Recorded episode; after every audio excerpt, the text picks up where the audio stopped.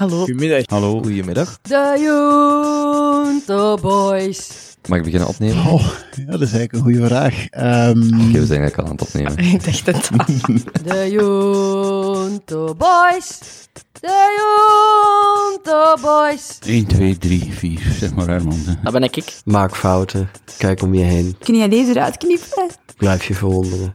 Vind het talent in jezelf. De Junto Boys. Woe. Oh ja, en luister naar de podcast van Koop. Vandaag met uw gastheer Koben. Hey jongen. ja, we zijn aan het lopen. Dat is het lopen, dat is het lopen. Zo begint het altijd, hè? Nu knippen ze weer zo. Yes. Als chance dat Teun in de kamer is. Ja, als ik Kobe dat kan, dan moet dat ons ook wel lukken, hè, wat Ja. we nu aan het doen zijn. Maar dat zeker. Alles wat Kobe kan. Oké, dus we zijn eigenlijk, we zijn voor het kokken. We zijn vertrokken. partie. Junto Boys, this is the one without Kobe. Ja, ja, de eerste enige echte zonder de man himself, The Voice, schittert door The afwezigheid. disgustingness himself. Ja, Hij is eruit gekikt wegens eh, verboden ja, praktijk. we worden het even serieus houden vanavond. Ja, allee, het niveau qua, qua moppen en zo, het was echt een beetje te schrijnend aan het worden. Dus we dachten, hier moet echt wel iets aan gebeuren. Dus we hebben hem in een aflevering in de hoek gezet. Hè? Zware beslissing. Gestraft, ja. Gestraft. Collectief gestraft. Voilà. Nee, in alle realiteit, Kobe zit, waar zit hem? Eh, Portugal nog altijd. Portugal. Daar komt een toon aan, hij Ja. met zijn broek aan het dichtritsen is. Als onze vrouwelijke luisteraars dit beeld maar konden zien. Ja. We zijn eh, vandaag met vier. We zijn al eh, volop begonnen, hè, Toon? Ja.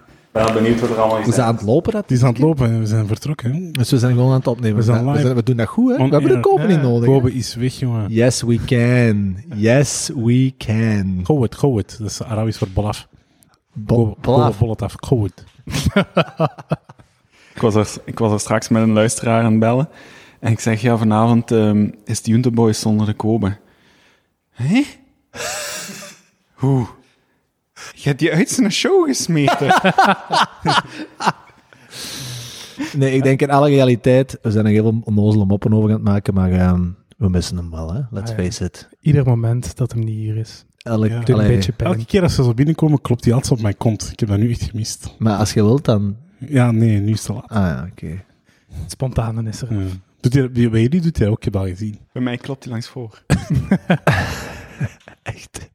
En ja, ja, ook bij mij, ook Ja, zo, die altijd tijd. voelen zo. Ja, ja, die voelt altijd ons kontje. Maar hij zegt wel altijd, "Mm, dat van nu is wel beter dan dat van een Basja. Echt? Een beetje tegen elkaar uitspelen. Ja. Dat is mooi. Nee, maar... eh alles zeg, dat is wel raar, hè? 41ste aflevering, hoeveel, hoeveel zitten we? Van de Junto. Ja. Eh, geen Hoeveel is idee. dit? Jij volgt dat mooi, hè, die nummer. Kijk, Meermin, jij bent nu de podcast-expert geworden. Ja. Je hebt blijkbaar een spoedcursus uh, We in een eigen podcast. allemaal naar hem. Ja. Dat is wel mooi. Je pakt dat hierover. Eh, Voor Kopen moet Dit dat is ook wel raar aflevering- zijn als hij dat gaat luisteren. ja, dat Zo gezeven. bij zit. Aflevering 41. Dus we hebben het... Het heeft 41 afleveringen geduurd voordat we hem nog eens konden Ja. afhouden, eigenlijk. Ja. Die gaat er naar luisteren en zo in zichzelf alle mopjes maken die niet gemaakt zijn. Dus de volgende podcast, dat belooft. Dan gaat hij er alles uitgooien. Misschien moeten we vragen of dat hem zo... ehm je hebt dat toch bij die, die coole blockbusters. eh, de director's edit, waarbij zo de, de regisseur over de film heen praat. Ja, Kobe, alstublieft. Of gewoon stuur het in als, als Instagram voice overigens of zo, nee? Ja, Hij heeft blijkbaar al een vraag ingestuurd, ik zal hem laten horen. Nee, nee, nee, nee, nee, doe. Nee, dat is niet goed. Kom, nee, joh, we doen dat gewoon. Kom. Doen, Ik heb- nee, Kom, nee, joh. Kom, we doen Maar dat is toch geen vraag? Als jullie later allemaal dochters hebben, Oh, die stem, echt. zou die dan eerder extreem lekker moeten zijn? Of toch niet? Ik voel zijn aanwezigheid wel direct. Oké, dus uh, ik wil weten of dat wij, als wij dochters houden, of dat ze extreem lekker Maar gewoon zijn. die stem alleen niet. al, dat is toch echt een soort van Ja. forte viscositeit dat je eigenlijk Ja. moeilijk kunt omschrijven. Hè? Ja. Boys, als jullie later allemaal dochters hebben, Oh, zou die dan eerder extreem lekker moeten zijn? Of toch niet? Ik weet, ben benieuwd naar jullie gedachten. Dat is echt goed. ik weet dat Kobe geen Peter wordt van de Dan gaan we die vraag echt beantwoorden of gewoon erkennen hoe goochelaar die is. Ja, maar beantwoord maar. Ja, begin... Oei. Vertel meer, Benny. Ja, begint hij al. Ik weet het niet. Dat is, wat, wat is zijn argument om, om het niet knap te moeten zijn? Ik weet, dat is toch... Ik was daar ook over aan het denken. Als ze dan stelden, heb ik zo een paar seconden, allee, een tijdje over nagedacht. En dan dacht ik, het enige argument dat ik er direct op kon verzinnen, is dat ik kan mij inbeelden, hypothetisch, Mhm. Ehm, ik ga hier niet in absolute spreken. Maar dat als je een bepaald niveau van aantrekkelijkheid eh, overstijgt als individu, mannelijk of vrouwelijk, dat je leven mm, makkelijker is of zo. Dat je een bepaalde hoeveelheid aan aversie niet moet doorstaan in je individuele ontwikkeling, dat wel eens nefast kan zijn op lange termijn. Oeh, het is vooral dat, hè, die een vast op lange termijn. Denk je dat? Ja, omdat het schoonheid... Allee, dat, Schoonheid dat werkt, vervaagt, schoonheid hè. verkoopt. Ja, maar dat vervaagt ook, hè. Ah, je- dus je zegt dat het niet vast kan zijn in het, in het tweede deel van je leven. Ja, bijvoorbeeld. Alleen, ja. Je kunt toch Ik denk dat ook nou- oud mooi worden? Of mooi oud worden? Ja, tuurlijk. Ja. tuurlijk. Maar als je het eerste deel van je leven hebt geteerd op die schoonheid, en het tweede deel is het afwezig, kan Maar ik me voorstellen dat dat... Maar dat hoeft toch niet per se, je schoonheid hoeft toch niet per se je basis te vormen. Dat kan toch ook gewoon helpen om sneller aan een job te geraken. Als je charismatisch bent, helpt je dat ook. Als je mooier bent, kun je misschien sneller zo zaken bereiken. Maar wat ik, wat ik wel vind, is bescheidenheid vind ik wel mooi. Dus ik vind mensen die mooi zijn, maar bescheiden blijven, dat is de mooiste combinatie. Mhm. Ja, Goed, de microfoon gewoon. aan de maar als je, als ja. je voelt van, oké, iemand is mooi en die weet dat hij mooi is, dan werkt dat bij mij een aversie op. Ja, maar het woord dat bij mij in de vraag deed is extreem mooi. Dus een model. Mooi. Zo heb ik het geïnterpreteerd. Echt Hm. een ja, exceptioneel aantrekkelijk individu. Maar- Niet een mooi persoon, maar echt zo... Jij kunt in de boekje staan. Maar het gaat u dan eerder over hoe dat zij haar leven zou beleven en niet zozeer die horde aan vettige mannen die iedere dag op Instagram... Ja. Oh, Dat, dat was het eerste. Geen een van die vetzakken zou toch niet kunnen... Nee. Nee. Tegenkomen op kunnen? Nee, nee, nee, nee, nee. Ik ga dat ze niet afmaken. Ik, ik, zou het ze niet, ah, ik zou het ze niet toewensen. Ik denk dat het ehm, niet bevorderlijk is voor uw emotionele gezondheid. Om te veel aandacht te krijgen Hmm. over uw uiterlijk. Of Ja. Ah, op die manier. omwille Als van je als uiterlijk. kind de hele tijd te horen krijgt van, maar je bent mooi, je bent zo mooi. Je hebt mooie ogen, je hebt een mooi lichaam. Dat is niet zo gezond, denk ik. Als kind. School, als je dat als kind toch Dat gebeurt veel, hè? Zo aan een vettige onkel met familiefeest. Met op. Iets te veel gedronken. Omdat Oh, hies, hè. maar dat gebeurt, hè? Je brengt je kind, lichaam er goed uit. ja, maar je brengt je kind naar de crash en die heeft bijvoorbeeld heel mooie blauwe ogen. Ja. Iedereen gaat zeggen, maar je heeft kei schoon blauwe ogen. Maar dat kind wordt altijd ja, Ja, ja, ja. bekrachtigd in die haar ogen, maar niet misschien op het karakter of op een hele andere manier.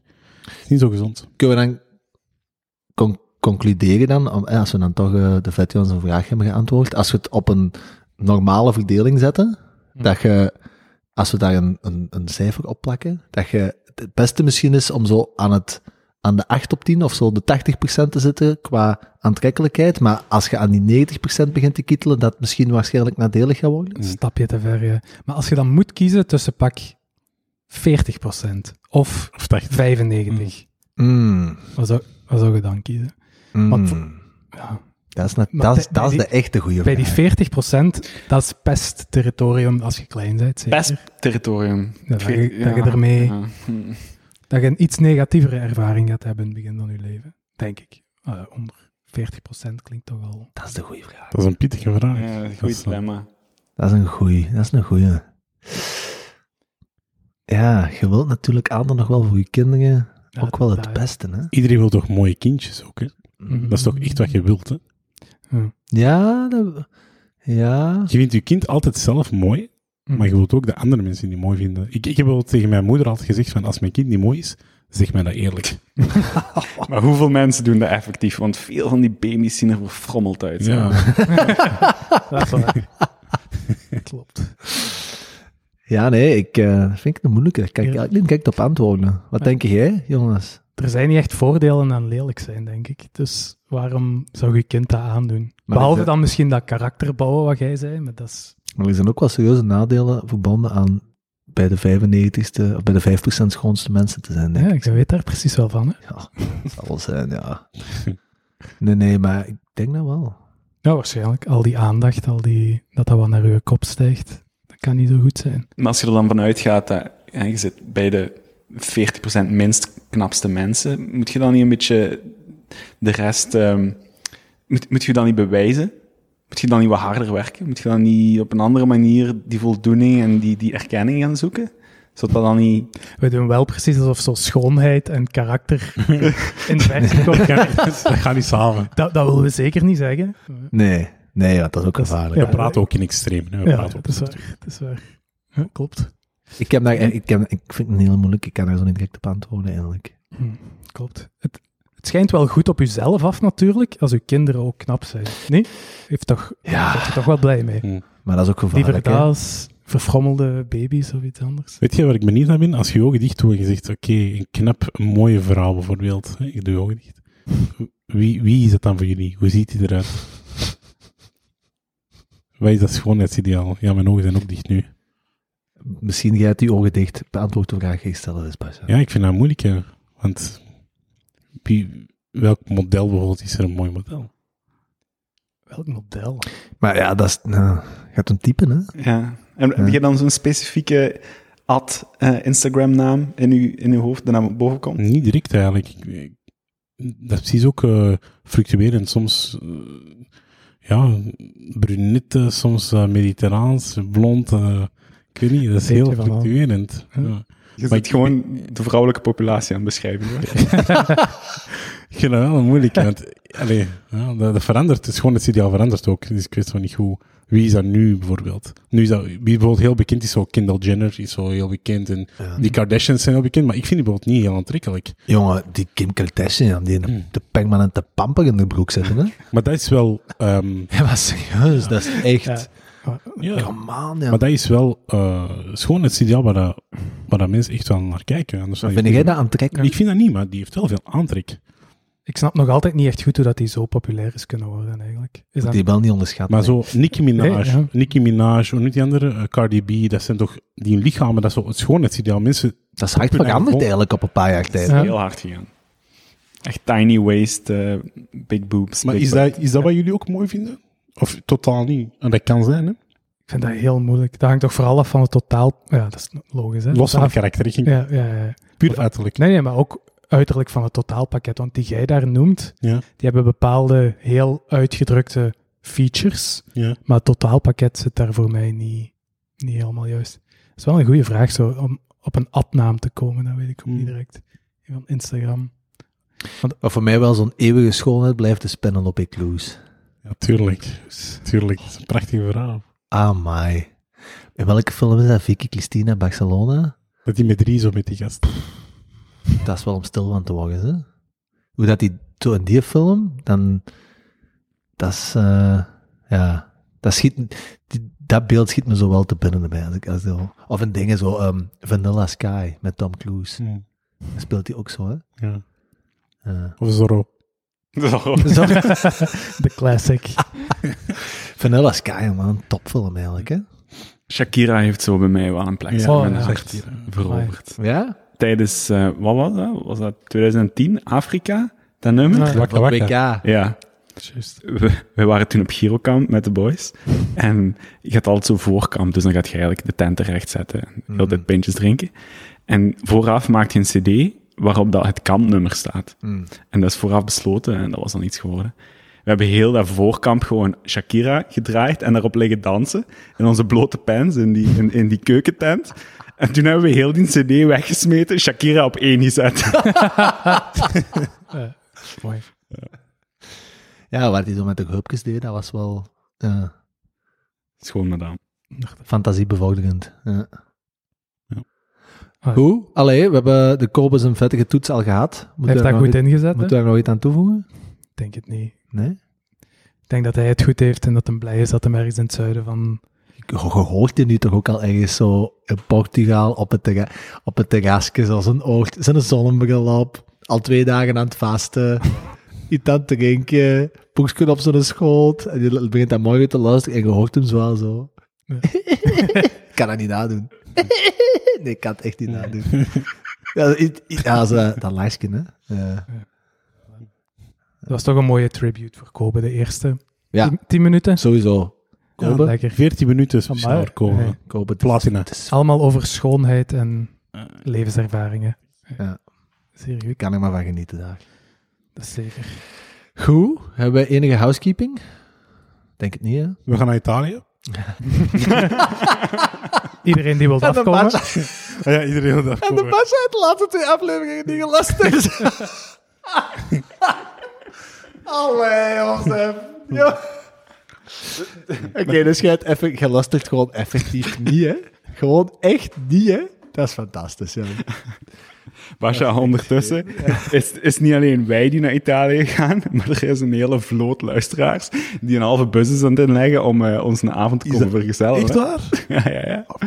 En wie zijn Misschien een lichte overdrijving, maar er zijn al wel echt een man of vijf, zes die hebben En wie gegeven. zijn er? Mogen die dat, mag dat gepubliceerd worden of niet? Ik ken die namen niet van buiten, dan moeten we gaan Zijn kijken. dat mensen die wij kennen of zijn dat random luisteraars? Ik heb hem nog, ik heb hem nog nooit ontmoet. Via, via. Ik was van een week aan, het- aan het eh, spreken met een collega van mij en die ook luistert. En die zei van, ja, maar ons schoonmoeder komt ook op vakantie. Dus onze César, die kunnen we bij ons schoonmoeder laten en dan kunnen we ze afkomen naar mama. Maar zalig. Ja, dat. Nee, voor de rest niet te veel housekeeping, denk ik. Wist jij nog iets meer over de nummers van de Junto? Ja, maar ik weet niet of dat... pff, maakt niet veel uit om dat te delen, hè. Dat is, Misschien nog allee. wel vroeg. is intern... intern Allee, ik vind dat leuk. Ik kan like, ik, I just fucking... I love the data, hè, guys. Sorry. Maar, eh ja, nee. Ja, voor de rest, de website, ik denk dat we eens een sprintje moeten trekken op de gas in Italië. Dat we dat spel eens een beetje meer fine-tunen. Hm. Die merch, ja, de komen is op eh sabbatical. Ja. Dus, ehm We gaan toch een podcast doen in Italië, hè, of niet? ik denk dat we daar wel meer als plan, gaan ja. opnemen, ja. oké, is goed. Ja. Oké, is leuk. Goed, oké. Gewoon eh, vraag 1. Erin vliegen? Ja. Heb jij ze bij de hand? Ik ken ze ondertussen. Goh, een kerel. Jonas, Mhm. hoe zijn de laatste twee weken geweest? Nou, eigenlijk echt wel goed. Ja? Ja, nee, het was wel heel leuk. Eindelijk het zonnetje erdoor, of was dat vorige podcast ook al? Dat is eh, echt wel... Vorige week ook al, denk ik. hè? Ja, ja, maar twee, het is twee, Ah, twee keer. Ah, Ja. Anyway, dat is weer het weer. Nee, ja, het was wel goed, maar de, ik denk het hoogtepuntje is, eh, ik denk dat het vorige, vorig weekend was of zo. En ik, ik volg helemaal niet veel het nieuws of ik zit niet te veel op social media en zo, maar soms kom ik wel op threads of nieuwsberichten uit en dan is het meestal niet zo goed nieuws en soms is het een beetje sneu en waar gaat de wereld naartoe en bitcoin gebruikt te veel energie en alles gaat kapot en iedereen zit thuis. En dan ben ik op een heel leuk filmpje terechtgekomen. En ik ben natuurlijk zo stom geweest om dan niet op te schrijven wat dat was. Dus de source, die heb ik niet meer. Ehm, maar dat praatte eigenlijk over hoe, natuurlijk over hoe goed dat we het nu hebben. En dat heeft mij toen helemaal terug uit, die, uit dat dipje gelift. En dat ging over het hele feit over hoeveel, hoeveel tijd dat we nu gewonnen hebben. Tegenover maar een generatie geleden, die eigenlijk al hun tijd kwijt was met de meest stomme dingen te doen de hele dag. Zelfs al maar om een brief te versturen, moet je eerst naar de winkel om een Ja. postzegel te kopen. Ja. Je moet een brief gaan kopen, je moet die brief schrijven, je moet die brief gaan posten, je moet nadenken over wat je schrijft, want je kunt maar één keer schrijven. En gewoon met zoiets stom waren die mensen al zoveel tijd kwijt, dat uiteindelijk had je, pak één generatie geleden, ons ouders of zo, tijd voor misschien één hobby, uw werk, dus ene keer met uw kinderen bezig zijn op een avond. En dat we nu in een tijd leven waarin we allemaal, dat is zo'n mooi woord voor, hè, een- iemand die heel veel dingen kan. Natuurlijk kom ik er niet op. Niemand hier die het Homo universalis. Voilà, zo prachtig, ja. Dat we daar eigenlijk, dat we daar allemaal naartoe kunnen gaan. Dat iedereen meerdere hobby's, meer interesses heeft. En hoewel dat misschien niet altijd zo lijkt dat je veel tijd hebt, dat je wel veel meer kunt doen als de mensen voordien. En dat heeft mijn, Mm. mijn heel weekend terug supergoed gemaakt. En dat was, dat was het Zo hoogtepuntje. mooi. Dat is mooi, hè? Maar wij kunnen niet vergelijken met de rest. Met vroeger, hoe het vroeger. Wij leven hier en nu. Wij Klopt, nemen dit op. dat is waar. Maar Hoe komt dat je je zo bewust en waarom zit je... Allee, jij bent heel dankbaar ervoor. Ah, ja, zeker. Maar, Maar je kunt u toch wel inleven in hoe het... ah, je moet maar een generatie... Neem nog twee generaties terugkijken kijken naar de oorlog of hoe het toen was. Of laat staan de middeleeuwen. Iedereen ging dood en ziek en werken en that's it. Dan is het leven nu, ondanks de ja, kantjes die Ja. nu zo top gaan, toch fantastisch. Ik vind dat wel mooi, want ik vind vooral dat het heel traag gaat nog. Ik vind dat heel veel administratie veel te traag gebeurt, nog altijd. Hm. Eh, ik vind soms dat we nog veel efficiënter moeten zijn. En dan denk ik, als het in 2021 gaat nog te traag. Dat wel. Ja, ik- Maar ik denk dat dat echt gaat over systemen dan. Ik bedoel, echt als persoon kun je toch veel efficiënter zijn dan ooit tevoren. Je kunt, om iets te gaan kopen, je moet maar op je laptop gaan zitten en je hebt het. Je moet geen twee dorpen verder rijden om een winkel te zoeken. Dat ze het dan niet hebben, terugrijden. En je hebt de hele dag niks gedaan, behalve naar een of andere Ja. supermarkt gereden. Dat is waar. De Jeff Bezos is toch geen CEO niet meer van Amazon, hè? Dat lijkt nu echt heel random dat ik dat zeg. Ja. Hè? Maar de Kobe die zijn, eh, zijn eh, afscheidsbrief ook nog eens hier eh, op de podcast eh, ontleden. Dus ik ga, Ah, ja. daar, ik ga het beperkt houden. Maar dat laatste vo- voorbeeld wat jij aanhaalt, dat was echt een geweldig sterk voorbeeld, vond ik, in zijn nieuwsbrief. In zijn nieuwsbrief, in zijn afscheidsbrief. Want je haalde zo aan, eh was echt een heel klein stukje, het is echt een geweldig, het is echt een heel indrukwekkend stukje literatuur eigenlijk. Maar wat hij aanhaalde was, oké, het kost in Amerika om Amazon Prime member te zijn, ik denk iets van een 120 dollar op een jaar. Dus 12 euro per maand. De gemiddelde aankoop op Amazon duurt 15 seconden. Max. Eh alleen, nee, ja, het gemiddelde is 15 seconden. Het, eh, de onderste 30% is minder dan 3 seconden. Die zijn quasi geautomatiseerd, denk ik. En dan berekende hij gewoon al per individu de tijdsbesparing in vergelijking met één decennium geleden. En dat ging dan zo over ja, 700, 800 dollar op een jaar. Hè. Gewoon als je de mensen, zijn, en dan nog niet eens aan zotte tarieven, hè, gewoon het, zo het, minimumloon van, van een Amerikaan. Mhm. Het is gewoon Van zijn werknemer. wat scheelt het om in uw auto te stappen, de benzine dat je verbruikt, de tijd dat je in die auto zit, dat je de supermarkt moet binnenwandelen, dat je dan moet aanschuiven, dat je moet terug in uw auto gaan zitten, dat je dan moet uitlijnen en in je kast moet zetten en dat dat gewoon Voilà. thuis komt. Zot Dat is één voorbeeld. Ja, ja, maar dat is heel goed verwoord. Ja. Wat ik daar wel leuk aan vind, en eh, wat je juist hebt gedaan, of vorig weekend heb gedaan, is zo'n beetje een, een perspectief switch. Zo is even een ander denkkader aangenomen. En dat is zo wat stoïcijns, hè. Hm. Ehm, die mannen, of die stoïcijnen, die hebben zo een, een paar techniekjes. En één daarvan is ook... ehm, you're living someone's perfect life. Hè? Dus als je daarover na begint te denken, dat er ergens iemand op de wereld is die niet liever zou hebben dan uw job, Ja, ja. uw vriendin, uw omgeving, uw auto. Ja, Ja, zo is er maar dat- eentje. zo is er Ja, maar ja. eentje. Maar Misschien van die vriendin zijn er wel meer. ja, iemand moet de komen zijn goal. Allee, maar ik doe mijn best, hè. Ja, dat is Allee. Het moet nog vettiger. No pressure. No pressure. Oké. Nee, ja, dat is zeker waar. Dat is heel mooi. Maar dat zijn zo leuke, leuke perspectief switches of zo leuke manieren om uw, om om geest even naar, Ja. op een andere manier naar iets te laten kijken. Ja. En echt heel veel uit die stroming eigenlijk. Heb je zo die boekjes van meditations en ja, gewoon daar even in bladeren en een paar quotes uithalen. En dat doet u dan slechter voelen om dan daarna terug, terug beter eruit te komen. Ja. Dat is heel leuk. Ook zo proberen te bedenken wat het slechtste is dat kan gebeuren. Dat is, iets- dat is iets dat ik door de dag eigenlijk super vaak doe. Iedere keer als ik een stressje heb, gewoon echt volledig doorduwen naar wat is het ergste dat kan gebeuren. Ja, ja, ja. En dan gewoon. Ja, realiseren van, eh, fuck it, eigenlijk maakt het allemaal geen kloten uit wat ik hier doe. Het komt allemaal wel in Zo. orde en het is maar een stomme meeting of een stomme, weet ik veel wat. Dat doe ik te weinig. Hm. Van die, van die last time meditations. Het zou altijd de laatste keer kunnen zijn dat wij hier samen zitten om de podcast te maken. Het zou de laatste keer kunnen zijn dat we, dat we elkaar zien. Moet Janke aan. Ja, zonder kopen kan dat niet. Hè. Wat ik, wel, eh, wat ik heb geleerd eh, twee jaar geleden is zo NLP, zo neurolinguïstieke programmatie. Ik vond het wel echt boeiend dat je zo luidop zegt wat je denkt en je hersenen gaan zich daar ook op voorbereiden. Als je zegt, ik wil gaan werken of ik heb zin om te gaan werken en je zegt dat ook, dan gaan je hersenen verbindingen maken waardoor je ook meer uitkijkt. Dus in plaats van te doemdenken probeer ik zo heel vaak gewoon te zeggen, ik heb zin om vandaag te gaan podcasten. Terwijl ik misschien allemaal geen zin in heb, maar ik train mezelf daartoe. En dat werkt echt. En- Dat vandaag moeten doen. Nee, vandaag had ik er echt zin in. Dat is mooi. Maar dus dat werkt echt als je zo jezelf gewoon echt wat je zegt, ehm, ja, die verbinding in je hersenen, zo werkt. Ja, boeiend. Ja, Zeker doen. Heel Ik cool. moest nog wel aan één ding denken.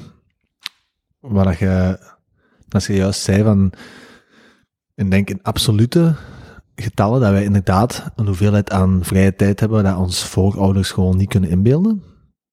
Ehm, tot denk ik, ja, ja, ik denk dat als we voedselverzamelaars waren, dat we moesten we blijven maar vier uur per dag werken.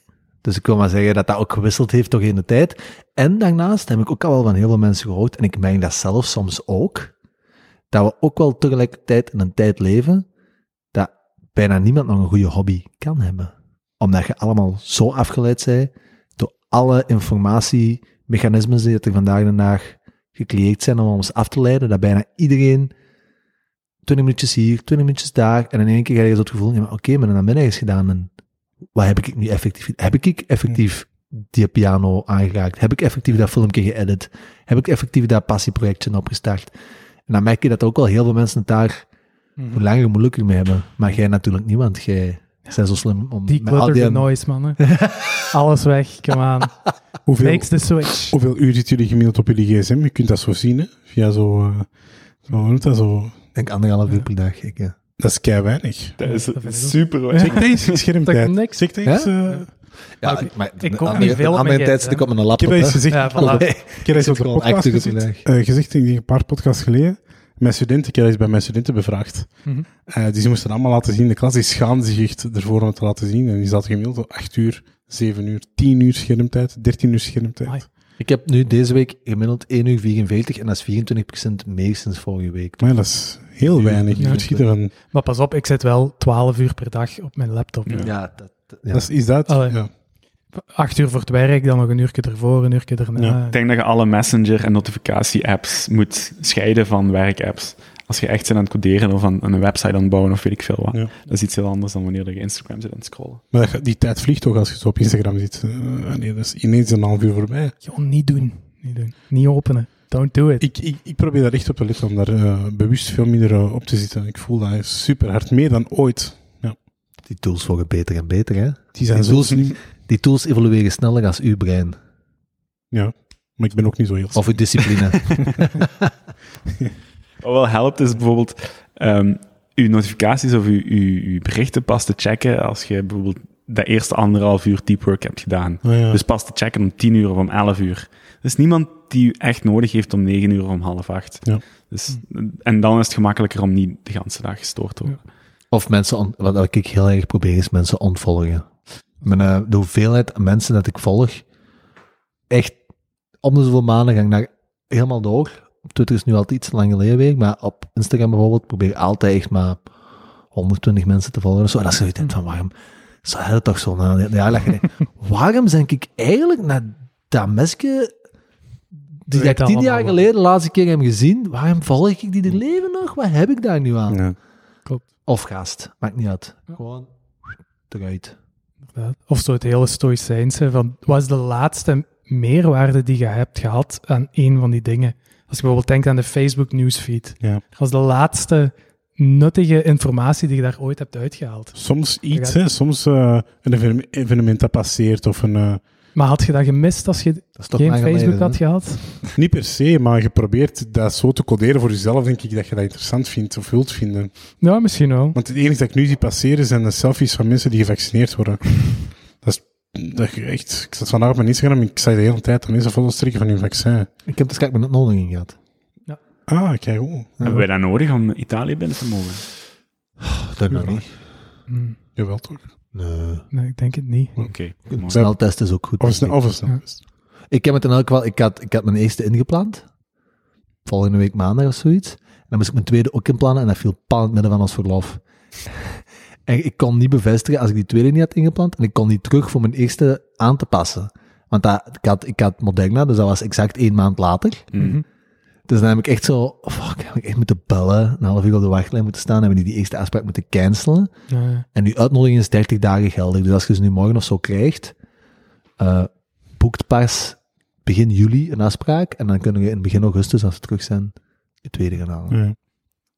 Goed dat we weten. goeie tip. De hoeveelste zijn we terug? Dertigste. 28, denk ik. Heeft er nog iemand een topmomentje gehad? Of, Geen, of heb je geen stress gehad? Stress? Ik doe nee, Oké. niet. Doet je niet aan mee. Doe ik niet aan mee. ja. nee, ja, ja, Je bent wel altijd positief, hè? ik ben vrij positief. Ja, Daar ben ik wel heel blij mee. ja dat is leuk. Daar heb ik zelfs nog iets over, maar dat is voor een andere vraag. Hm. Ja, ik, heb wel een paar stressjes gehad, maar dat gaat voor een volgende podcast zijn of zo. Jij hebt, eh, jij hebt ook wel, jij hebt wel stress gehad, hè? Toen? Ik heb stress gehad, lieve hemel. Oh. Kennen, kennen ze van die momenten of dagen of weken, eh, hopelijk duurt dat niet te lang, waarbij het universum u eigenlijk eens aan het laten weten van, hey, doe eens wat rustiger. Je zit met iets te veel bezig. Ehm, ik heb dat wel eens, Oké. wil ik het zo zeggen. Ehm, afgelopen vrijdag waren we met de huisgenoten gaan eten in eh, Gent Centrum. Heel toffe avond en eh, we vertrekken naar huis, we skaten naar huis. En meestal van die mannen skaten. Ehm, en ik kom thuis aan en ik mis mijn sleutels. En ik denk, ah, maar ik heb die daar in het restaurant op de vensterbank gelegd, right? Dus ik bel terug, niks te vinden. Ehm, ja, ik heb geskate, dus die liggen ergens in Gent Centrum. Ik ben nu aan het wachten om, eh, bij, om, om de politie te gaan horen of dat ze zijn binnengebracht. Maar dat zijn dus mijn huissleutels, mijn autosleutels, alles hangt eraan. Eén grote bos. Dus ik bel naar mijn collega's en ik zeg van, hey, zeg, eh, kunnen jullie die eh, reservesleutel van de auto, kunnen die meebrengen? Dan kom ik die morgen vroeg oppikken. Dus ze brengen die reservesleutel mee, ik ga die oppikken op zaterdagochtend.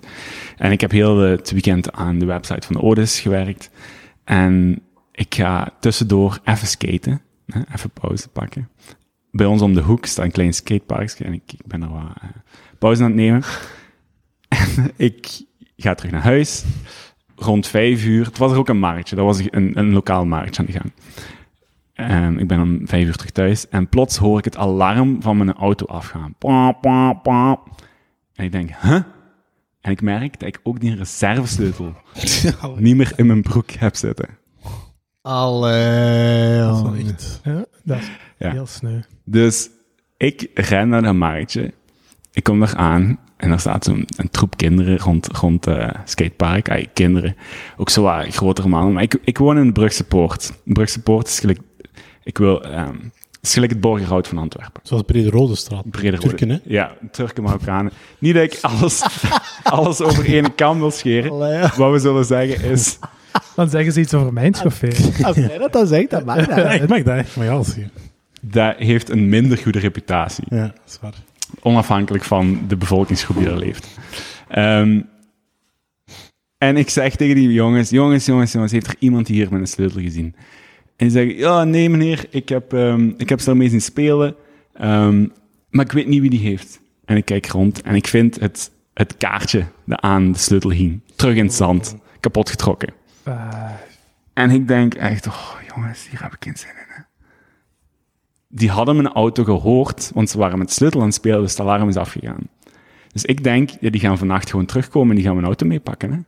Hè. ah, ja, tuurlijk. Nee. Dit kan ik niet laten gebeuren. En ik begin daar met de organisatie te bellen en te babbelen. En ik zoek alle Brugsupport Facebookgroepen op. En ik zeg, kijk jongens, ik heb er geen zin in.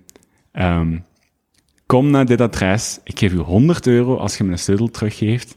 En dan heb ik eh, peace of mind. En dan lossen we heel dat spel hier op. Ik zet dat op die Facebookgroepen. ik, zeg, ik zeg dat. Echt zalig. Dat is wel... En ik zeg dat tegen die, die, eh, die straatgastjes die daar nog op het skatepark rondhangen. En ik zeg, mannetjes, weet je wat we doen? De eerlijke vinder krijgt 100 euro. En die hun ogen trekken allemaal open. En ik zie daar plots twintig van die gastjes alle kanten op spurten. zoeken, zoeken, zoeken in dat gras. Ah ja. Bij de buren aanbellen, mensen bellen. wie, wie heeft die sleutel? Wie heeft die sleutel? Vol van sleutel, zwart kastje. Ehm, en ik heb er echt een leger van 20 man dat voor mij aan, aan, die, aan de slag gaat. En binnen de 20 minuten komt er een van die mannetjes. Ja, ja. Die komt teruggelopen en zegt: Meneer, meneer, meneer, ik heb die sleutel, ik heb die sleutel. Maar je krijgt die niet, hè? 100 euro voor mij, hè? Je krijgt die niet. Dus op dat moment zalig. moet ik met een zevenjarig gastje naar mijn thuis gaan. Ja. om daar, om daar wat cash te gaan halen. Terug naar die zijn moeder gaan. Om uit te leggen dat hem 100 euro heeft verdiend en dat dat echt is. Dat hij dat niet ergens op straat heeft opgepikt. Met 20 kinderen rond mij die allemaal schreeuwen: Meneer, ik wil ook 10 euro. 50-50. Ik heb ook een sleutel, meneer. Oh, dus wat heb ik gedaan? Ik heb die kerel. Hè, dat was dan effectief ook zo'n groen briefje. Die hield dat dan zo zelfs tegen de zon. ja. Dus ik geef hem dat.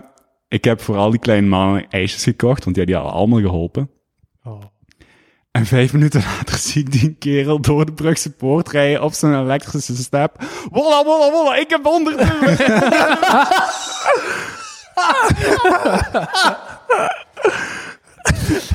ja, dat was, een, dat was een hele dure peace of mind, maar... Maar wel een prachtig verhaal voor de rest van uw leven. Stress, Hij had ook Jezus. zeker wat keimische punten mee gespeeld. Ja, Amai. zware street cred mee opgebouwd. Zeg, je hebt daar eh, de naam Oldest laten vallen. Yes, yes, yes, yes. je Ehm, ging naar deze week, je ging naar vandaag eigenlijk eh is pluggen, hè? eens pluggen, Is hè? pluggen nu dat de Kobe er niet is. Ja, ja, nee, maar Nee, klopt, je hebt klopt. daar nog niks over verteld. Nee, dat is waar. Ehm, ja, wat is Odis? Ehm, dat is een juwelenmerk dat ik heb opgestart, dat gelanceerd is. Het is een juwelenmerk dat iets... Het is niet heel traditioneel. We gebruiken geen edelstenen, geen gepolijste, geslepen stenen. Maar ehm, beach pebbles uit Kroatië, ehm, Griekenland, die eh, heel veel karakter hebben, met heel toffe patronen en, en, en structuren. Dus echt zowel het, het, het ruwe van eh, de beach pebbles ehm, die, je, die je terug kunt herkennen. Wat is een beach paddle? Beach pebble, dus zo die, die keitjes die aanspoelen op het strand en die helemaal plat gesleten zijn, die, die vlak gesleten zijn. Dus die, zijn eigenlijk, die stenen zijn eigenlijk ge, ge- gevormd en, en zacht en plat gesleten door de zee. Hmm. Ehm, en ik heb een paar partners in eh, Kroatië en Griekenland. Ja, dat zijn eigenlijk, dat zijn echt bompakjes. Die voor mij die stenen gaan zoeken op hun favoriete stranden. En die dan effectief, effectief die mij daar dan heel veel brieven over sturen. Over hoe dat ze met hun 4x4 naar het strand zijn gereden. Om in de winter, er is een bepaalde periode waarbij dat de golven zo zijn dat de stenen dus heel plat, heel plat gesleten worden. Ehm, dat zij die gaan zoeken en, en naar mij opsturen Amai. gevonden via Etsy, de, de juiste personen gevonden om daar eh, eh, ja, de juiste stenen te pakken te krijgen. Ehm, en dan hebben we ook nog iemand die het zilverwerk produceert in Portugal, waar we mee samenwerken. En voor mij is vooral een, een soort van creatieve uitlaatklep, waar, waar heel wat van mijn interesses bij samenkomen. Fotografie, product design, branding, ondernemerschap, surfen, de hele lifestyle. Heel cool. En was de, Zalig. Hm. de website? Ja, ehm, nu dat we toch bezig zijn. Eh, je kunt naar www.odysjewelry.com gaan. Is Spel je OD. OD Griekse IS van Odysseus, de Griekse god die na vele omzwervingen terug thuis kwam met zijn verhalen.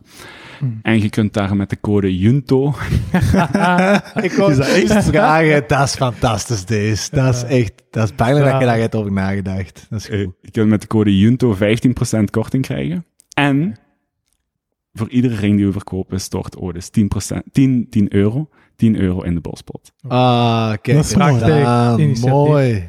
Mooi. Hm. Nu zijn ik wel echt heel benieuwd hoeveel dat je daar gaat uithalen. Ja, ik ben ook benieuwd. De reclame. Ik ook.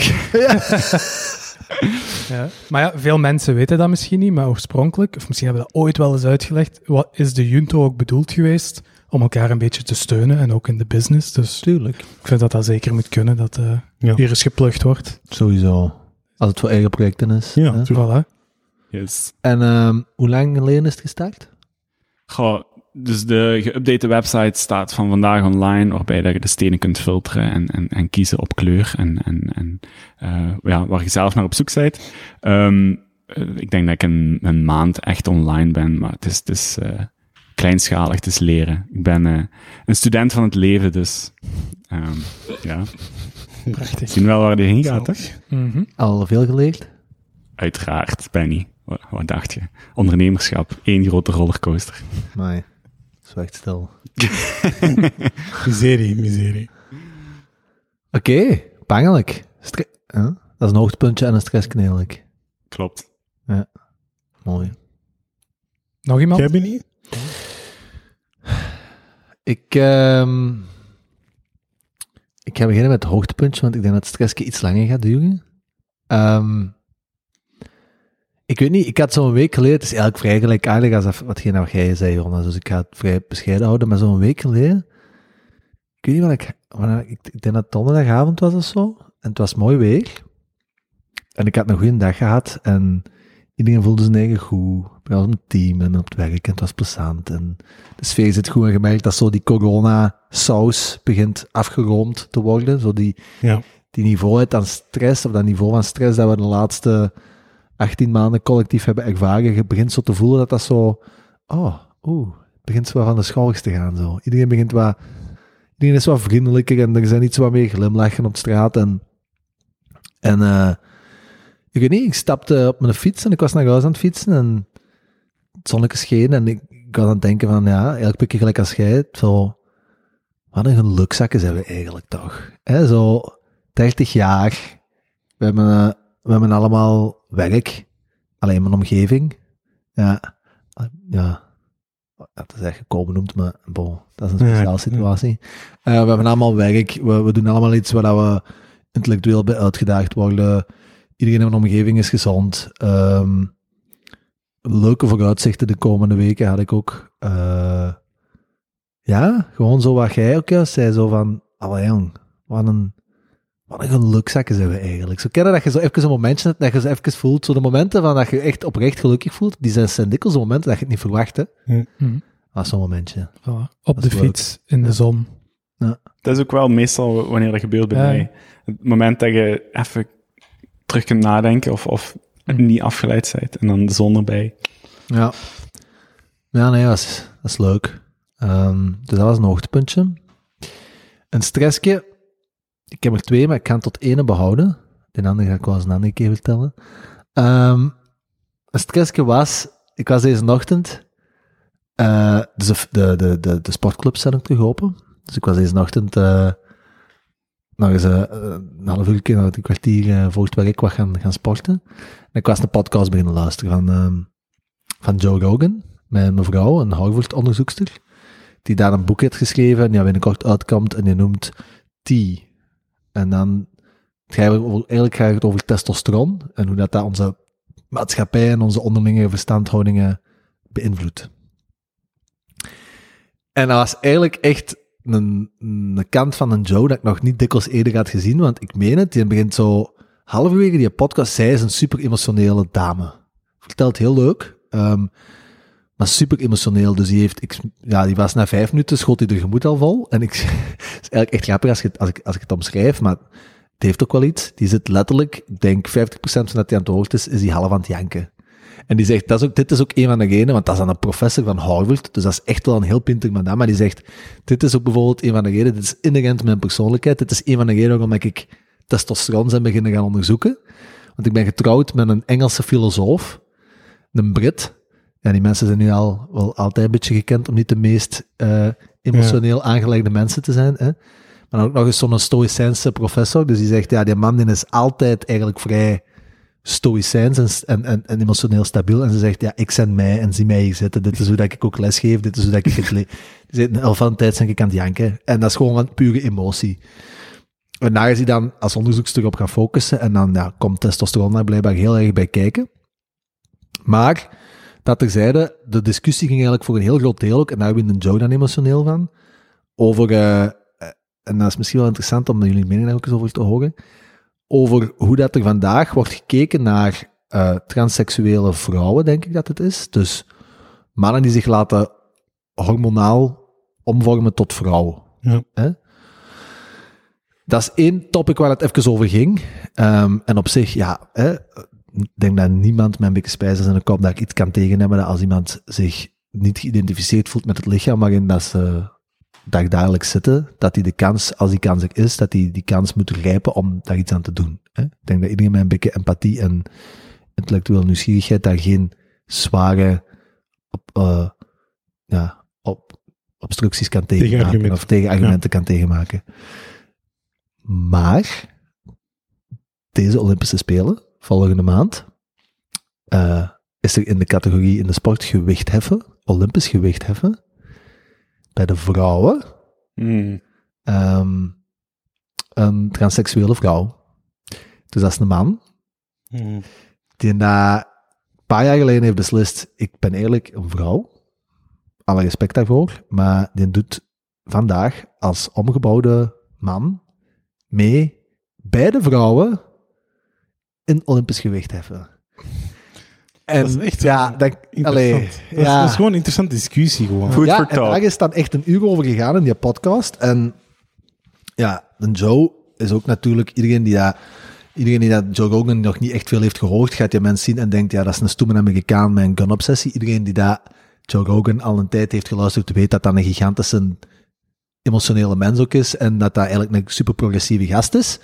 Maar als hij een mening heeft, heeft hij natuurlijk ook een mening. En zijn mening stond eh, niet tegenover haar mening, want zij was het er eigenlijk grotendeels mee eens.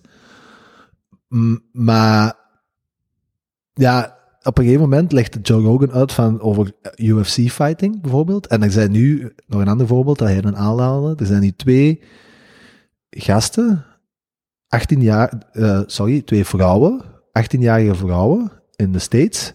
En in de onderlinge competities, schoolcompetities in wrestling, hebben die al 18 nieuwe Amerikaanse records op hun naam staan.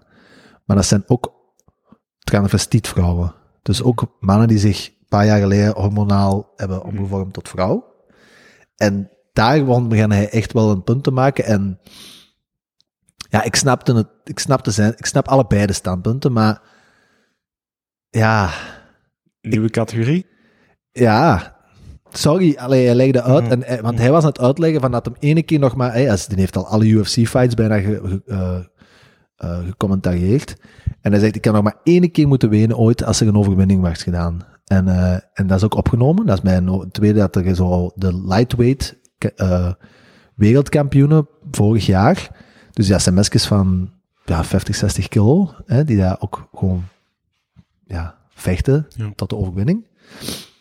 En eh, die, de, de mevrouw die daar nu de tweede keer wereldkampioen was geworden, die had dat op zo'n ja, geniale manier gedaan. En de manier waarop hij in het leven stond was ook zo mooi en zo. En hoe hij dat dan vertelde, en hoort dat dan ook. En hij staat daarbij. En je merkt ook, hij is, zijn gemoed gewoon, terug vol. Want hij zegt, dat is zo'n sterke vrouw. En dat die dat heeft kunnen doen, dat is ongelooflijk. En hij zegt, het idee gewoon dat ik zou weten van... Die de kans is, zou afgenomen zijn, omdat er in haar ja, gewichtscategorie een transseksuele vrouw zit. Hij zegt, dat idee alleen, daar word ik gewoon heel emotioneel van, want dat is gewoon niet eerlijk. Hmm. En dat vond ik wel een interessant discussiepunt. En Hmm. Ook wel iets waar ik van dacht, ja, dat is ook misschien wel niet helemaal eerlijk. Hè. Klopt. Ja. En die vrouw was, of de, de gast was wel voor. eh, Ja, nee, want die heel ieder een boek, ook de reden waarom ze die een boek heeft geschreven, gaat ook voor een deel over dat ze zegt van ja, er wordt een loopje genomen met de wetenschap. ja, ja. Omdat Ja. er eh, een soort van virtue signaling ontstaat, beginnen heel veel mensen eh, te zeggen van ja, nee, er is geen biologisch verschil tussen mannen en vrouwen. En ze zegt ja, sorry, Ja. dat, Maar dat is wel, hè. dat is zever, hè. Kijk gewoon naar de harde wetenschap. Ja. Je kunt... Allee, en dan gaf zij ook het voorbeeld, zo de, het wereldkampioen, vier, de wereldkampioenen 400 meter lopen. Ehm, dus echt, no matter welke age-categorie, dat record wordt elk jaar 35 keer gebroken door 17-jarige gastjes op hogescholen. Mhm. ja. Zo zijn er oneindig voor. En zo zijn er oneindig veel voorbeelden. En dat komt onder andere door testosteron. Ja. Maar als het dan gaat over vechten, ja, een man zijn botstructuur is anders, een man zijn, zijn spiervorming is anders. De- de- dus dat, ja. En tegelijkertijd zei zij, ik snap ook wel dat van, als je transseksuele vrouw bent, dat snap ik ook. Want jij wilt toen geen uitzondering voelen. Jij wilt u identificeren daarmee. Dus dat is te snappen. Dus dat is een heel moeilijke discussie.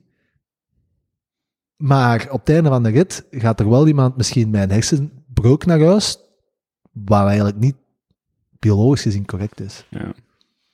Maar dat staat nu wel op de Olympische Spelen. Hm. En ik vond dat een heel moeilijke discussie, dus daarmee mijn stressje van, ja, ik snap het langs beide kanten, maar Dus die is wel toegelaten, maar was er protest globaal? Of was er, was er protest in het algemeen, of was het gewoon een discussiepunt? ik heb hem ook nog niet afgeluisterd, maar tot op waar ik nu zat, denk ik dat daar nog niet heel veel officieel protest is tegengekomen dat die man, eh, sorry, dat die travestiet vrouw meedoet nu bij de vrouwen als Ja. in de Olympische categorie gewicht heffen. Dat is ook een heel moeilijk topic om tegen in te gaan, denk ik. Ik denk dat heel Tuurlijk. snel in alle kranten, op iedereen zijn Twitter-feed staat met onblijst gezet door eender wie die wel voor is.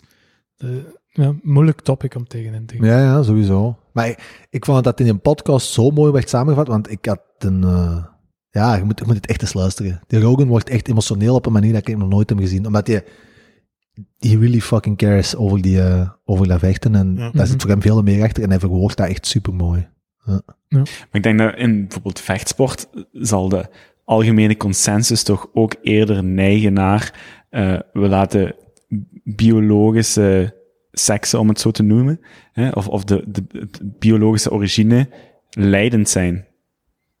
Dan, Ja. dan bij andere sporten waar dat misschien minder eh, van toepassing is, of Ja. minder frappant wordt, of minder, eh, duidelijk zal zijn. Ik vind het eigenlijk een heel mooi onderscheid. Gewoon de biologische seksen en dan de rest is hoe je het zelf wilt. Maar daarop afsplitsen klinkt heel logisch. Het zal toch voor wat commotie zorgen, deze Olympische Spelen? Ja, Maar dat mag, hè. Dat is goed dat daar voor commotie Ja, zorgt, dat omdat daardoor manier. nieuwe regels en nieuwe afspraken kunnen worden gemaakt, die gedragen worden. Dat is goed, hè. Allee, Ja. als, als daardoor een nieuwe categorie komt, of een, nieuw, een, een nieuwe visie, des te beter, hè. Maar ook ga maar voor die persoon, want die gaat wel... Ja. Die gaat moeten strijden voor de rechten van alles wat... Van iedereen dat erachter komt. Maar dat is met veel, hè, in het leven. mm, En ook ten koste van al die mensen die jaren of een hele leven in het teken hebben gezet van competitie. Mm. ja. En nu aan de kant geschoven worden Tuurlijk. voor iemand anders zijn. Wat Dat- ook een heel nobel gevecht is. Hè. Ik wil daar niks van zeggen, maar daar gaat hij het ook het moeilijkst mee. Je misschien... zei maar eens dat meisje dat 10, 15 jaar aan het trainen is geweest voor de, college, voor de scholarship dan in de States, hè? ja, met wrestling. En dan komt er daar in één keer ja, Ja. een, een omgevormde man op de, de wrestlemat liggen en die plooit al dubbel. Ja, kun je niks... Allee, kun je daar tegen beginnen? Zo grappig dat het een soort van luxe probleem is van onze maatschappij, dat we ons daarmee moeten bezighouden nu. Hè? Allee, het, is goed, het is goed dat het allemaal kan en de mensen eh, zich mentaal kunnen eh, optimaliseren bijna, of, of mentaal kunnen kiezen voor iets waar, waar, waar ze zich, waarmee, waardoor ze zich beter in hun vel voelen. Maar Mhm. ja, zo een soort van luxe probleem, zeker met al het, het wokeisme dat er, dat er rond ons hangt en waar dat iedereen op kan Alles, kan, hè. Mhm. Ik zeg van de week een vacature op LinkedIn en nu tussen haakjes staat er ook als hij, zij, hen. Ja, eh, zo heb ik ook al in calls gezeten van mensen dat. die daar hun namen bestaan. Ja. Allee, d- er is geen, er is geen grens meer. Mhm. En dat is soms moeilijk. Ik En- vind dat persoonlijk moeilijk. Ik vind het moeilijke er soms aan, en niet dat die dan gemarginaliseerd moeten worden, maar het is een zo'n klein, het is en blijft een heel kleine proportie van de bevolking. Dat wil niet zeggen dat ze daarom gemarginaliseerd mogen worden, maar het omgekeerde moet ook niet. Dat alles aangepast moet worden volgens hoe een heel klein percentage Hmm. hun leven leidt. Ik ken de percentages niet, maar ik kan me niet voorstellen dat we het hebben over meer dan 0, Ja. zoveel procent. En misschien is het oké om daarvan te zeggen, sorry, maar in dit geval ligt sport, topsport, buiten uw bereik. En we kunnen nu eenmaal niet alles goed doen voor iedereen. Hmm. En we willen nu zoveel mogelijk supporteren, maar ja, het leven is niet eerlijk voor iedereen. Ja. En Ja. dat is sneu. Geef het vijf jaar hè, en je gaat die discussie moeten voeren op basis van heb je een chip in je hoofd steken of niet, hè? ja, Here we go! Ja, Het is waar, hè? is. Ja. Ja. Heb jij, heb jij CRISPR eh, genetische omvormingen laten doen, zodat je spiermassa 20% toegenomen is op, Ja, dat is op, echt- op twee weken tijd? Is dat ook niet de Joe die eens gezegd heeft, ah ja, maar maak een divisie, alles mag. Mocht experimenteren wat je wilt, alle drugs, alle implantingen, doe maar zot. Alles mag, gewoon in de ring en we zien wel. Naar welke competitie denk je dat de meeste gaat gekeken worden? Ja, Als die competitie... YOLO-competitie, hè? De YOLO fucking competitie, hè? Allee, ja. Ja, Dat ja, die jongen. Doe maar op. Voilà. Ah, Maar daar gaan wij echt naartoe, hè? daar gaan we 100% naartoe.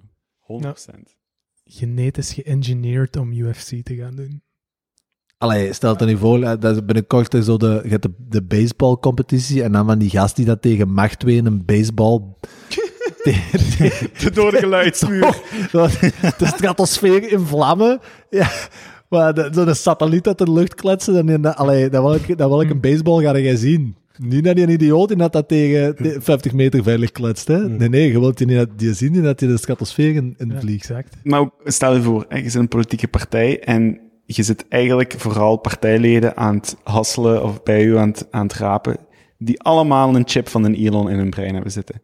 Die mannen die rekenen, denken, praten, analyseren sneller als uw oppositiepartij. Wat gaat je daarmee doen? Zijn daar regels rond? Mag dat? Eh, Wat voor, wat voor functies kunnen zo'n personen bekleden? Hm.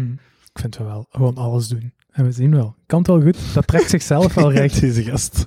Robot. Wars. Ja. Echt. Ja, Eh, dat is wel... Dat kweekt competitie. En, maar welke ja, categorie van de mensen het gaat dat eerst stemmen, denkt je? Wordt toch spannend? Zo- Sowieso de rijken, Oh. Ja, oké. op Of die manier. de rijken Ja, ja. of de volledig geflipte die dat zo ergens op, op een zwarte markt in een, in een brein laten steken eh, op een operatiekwartier ergens in een schuur. Sorry. Ik vraag Dat me zijn af, niet de twee groepen waar dat je zomaar direct die kracht aan wilt geven. Hè? Geen een van allebei. Hè? Goed punt, goed punt. maar Stand ik correct. vraag me af, welk continent gaat dat zo eerst... Welk continent gaat er eerst zo... Sowieso. Rising of the Ashes, zo die gaat er zo ineens pff, omhoog gaan. Ik ben echt benieuwd. Mhm. Ja, de Chinezen hebben veel meer dat wij-gevoel dan dat je in de westerse wereld Ja. hebt. En ik denk dat dat wel eens kan gaan pijn doen Mm. aan ons. Dat vind ik dan ook zoiets waar ik op regelmatige basis echt van denk van, godverdomme, wij zijn toch chansaars. Dat wij in die tijd kunnen leven, joh. Jij stiert dat ook dikwijls, hè? Dat is zo... De realiteit wordt soms echt gewoon interessanter als de beste Netflix-serie. Gewoon een gemiddelde dag, zoals als je een dag niet op Twitter hebt gezeten, je doet dat spel open, je denkt, "Oh, wat is hier weer gebeurd, ja? Dat is... Hm. Ja, een raket die dan naar boven schiet. Alleen dat je nog nooit hebt gezien, dat je denkt, nee, maar dat, dat kan niet echt zijn. Of, of een, een, een baviaan die dan... We beamen alle informatie ter wereld vanuit de ruimte naar onze toestelletjes. Dat is toch Gewoon taal. Ja, en nu ook weer. Dat, we zijn dan hè, al een jaar bezig over de wereldwijd internet. Mhm. Dat is er begot nog sneller dan wij hebben kunnen denken. Hè? SpaceX is nu in België. eh, de, de, de Starlink is in België. Hè? Ja, echt? Cool. Je kunt nu een set kopen, hè? Die verschijnen in een week op zijn Twitter unboxing. Dat spel op zijn, in zijn tuin gezet, dat is, het draait zo'n paar seconden rond. 150 megabyte per seconde downloadsnelheid. Van zijn schotelantenne genaamd... eh, Flatty McFlatface. It's a simulation. ja, Maar- Wat hoorde ik toch niet? van een week toch ook weer op de All-In podcast dat ze, als je een ruimtestation of een, een ruimtebasis zou bouwen op de maan en je zou gewoon titanium kogels naar de aarde schieten, te- tegen dus, ja, maar dus echt effectief, echt- het, gaat- het klinkt zot, maar dus je zou denken, hè, ruimtewapens, dat zijn lasers en van die toeren. Nee, dat is helemaal niet nodig. Hè. Je moet gewoon een, een metalen buis of kogel of staaf ri- richting de aarde schieten. En tegen de tijd dat hij in de aarde heeft bereikt, heeft hij zo'n snelheid dat hij echt kraters van je welste in, in, uw, in uw bodem schiet. Ik bedoel, dat is wat ik al gehoord heb. ja, vond ik weer Dus als mindblowing. de, de, de eerste nazi-staat die dat zo'n raket op de maan zet, die zegt eerlijk tegen al de rest, en dan gaat het luisteren. Shut the fuck up of ik schiet gewoon. Gewoon iets satellieten eruit en je gaat daar geen laser of dergelijke voor nodig. Gewoon eeuwenoude technologie, buskruid. Katapulten op de maan. Alhoewel, je hebt, geen, je hebt geen ontbranding in de ruimte, ja zeker. Hè? Ja, met buskruid gaat het niet lukken, hè, Ja, want je zal- moet ontvlambaarheid hebben in, eh, een luchtledig iets. Dat gaat niet gaan. Het zal iets anders zijn. Maar je kunt gewoon iets accelereren. Ja, dat is het ding. accelereren. Je- Je, kunt hoe- gewoon duwen. Ja, goed, het waarschijnlijk Je kunt gooien. gewoon zo'n bio, bi- eh, bionisch geëngineerde baseballer Ja. op de maan. voilà, nu zijn we er. Maar echt zo'n Nou, combinatie Hier komt van... hem, hè. Hier komt hem, hè. Op Twitter huis, hè. Ja, maar ik zie het, ja. Ik zie het. Ik heb goede ogen laten steken. En klets! Vla! Washington weg met een baseball. Oh, In wat voor een tijd leven wij? Ja. We zijn er nog niet, hè. Close enough. Heb je dat gezien? Het eerste privé-vluchtje na even de Jeff, Jeff Bezos op zijn, op zijn ego-raket. Heb je dat gezien? Vertel meer. Jeff Bezos, zijn eh, raketbedrijf, Blue Origin, gaat half... Dat is echt inderdaad de realiteit. Is gewoon zottig als...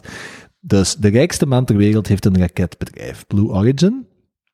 Die eh, hebben nu twintig keer getest dat ze met hun eh penis gevormde raket... Het is echt een, het is echt een, het heeft een heel groot... eh, hoe noem je dat? penisgehalte. Ja, fallusgehalte, ja.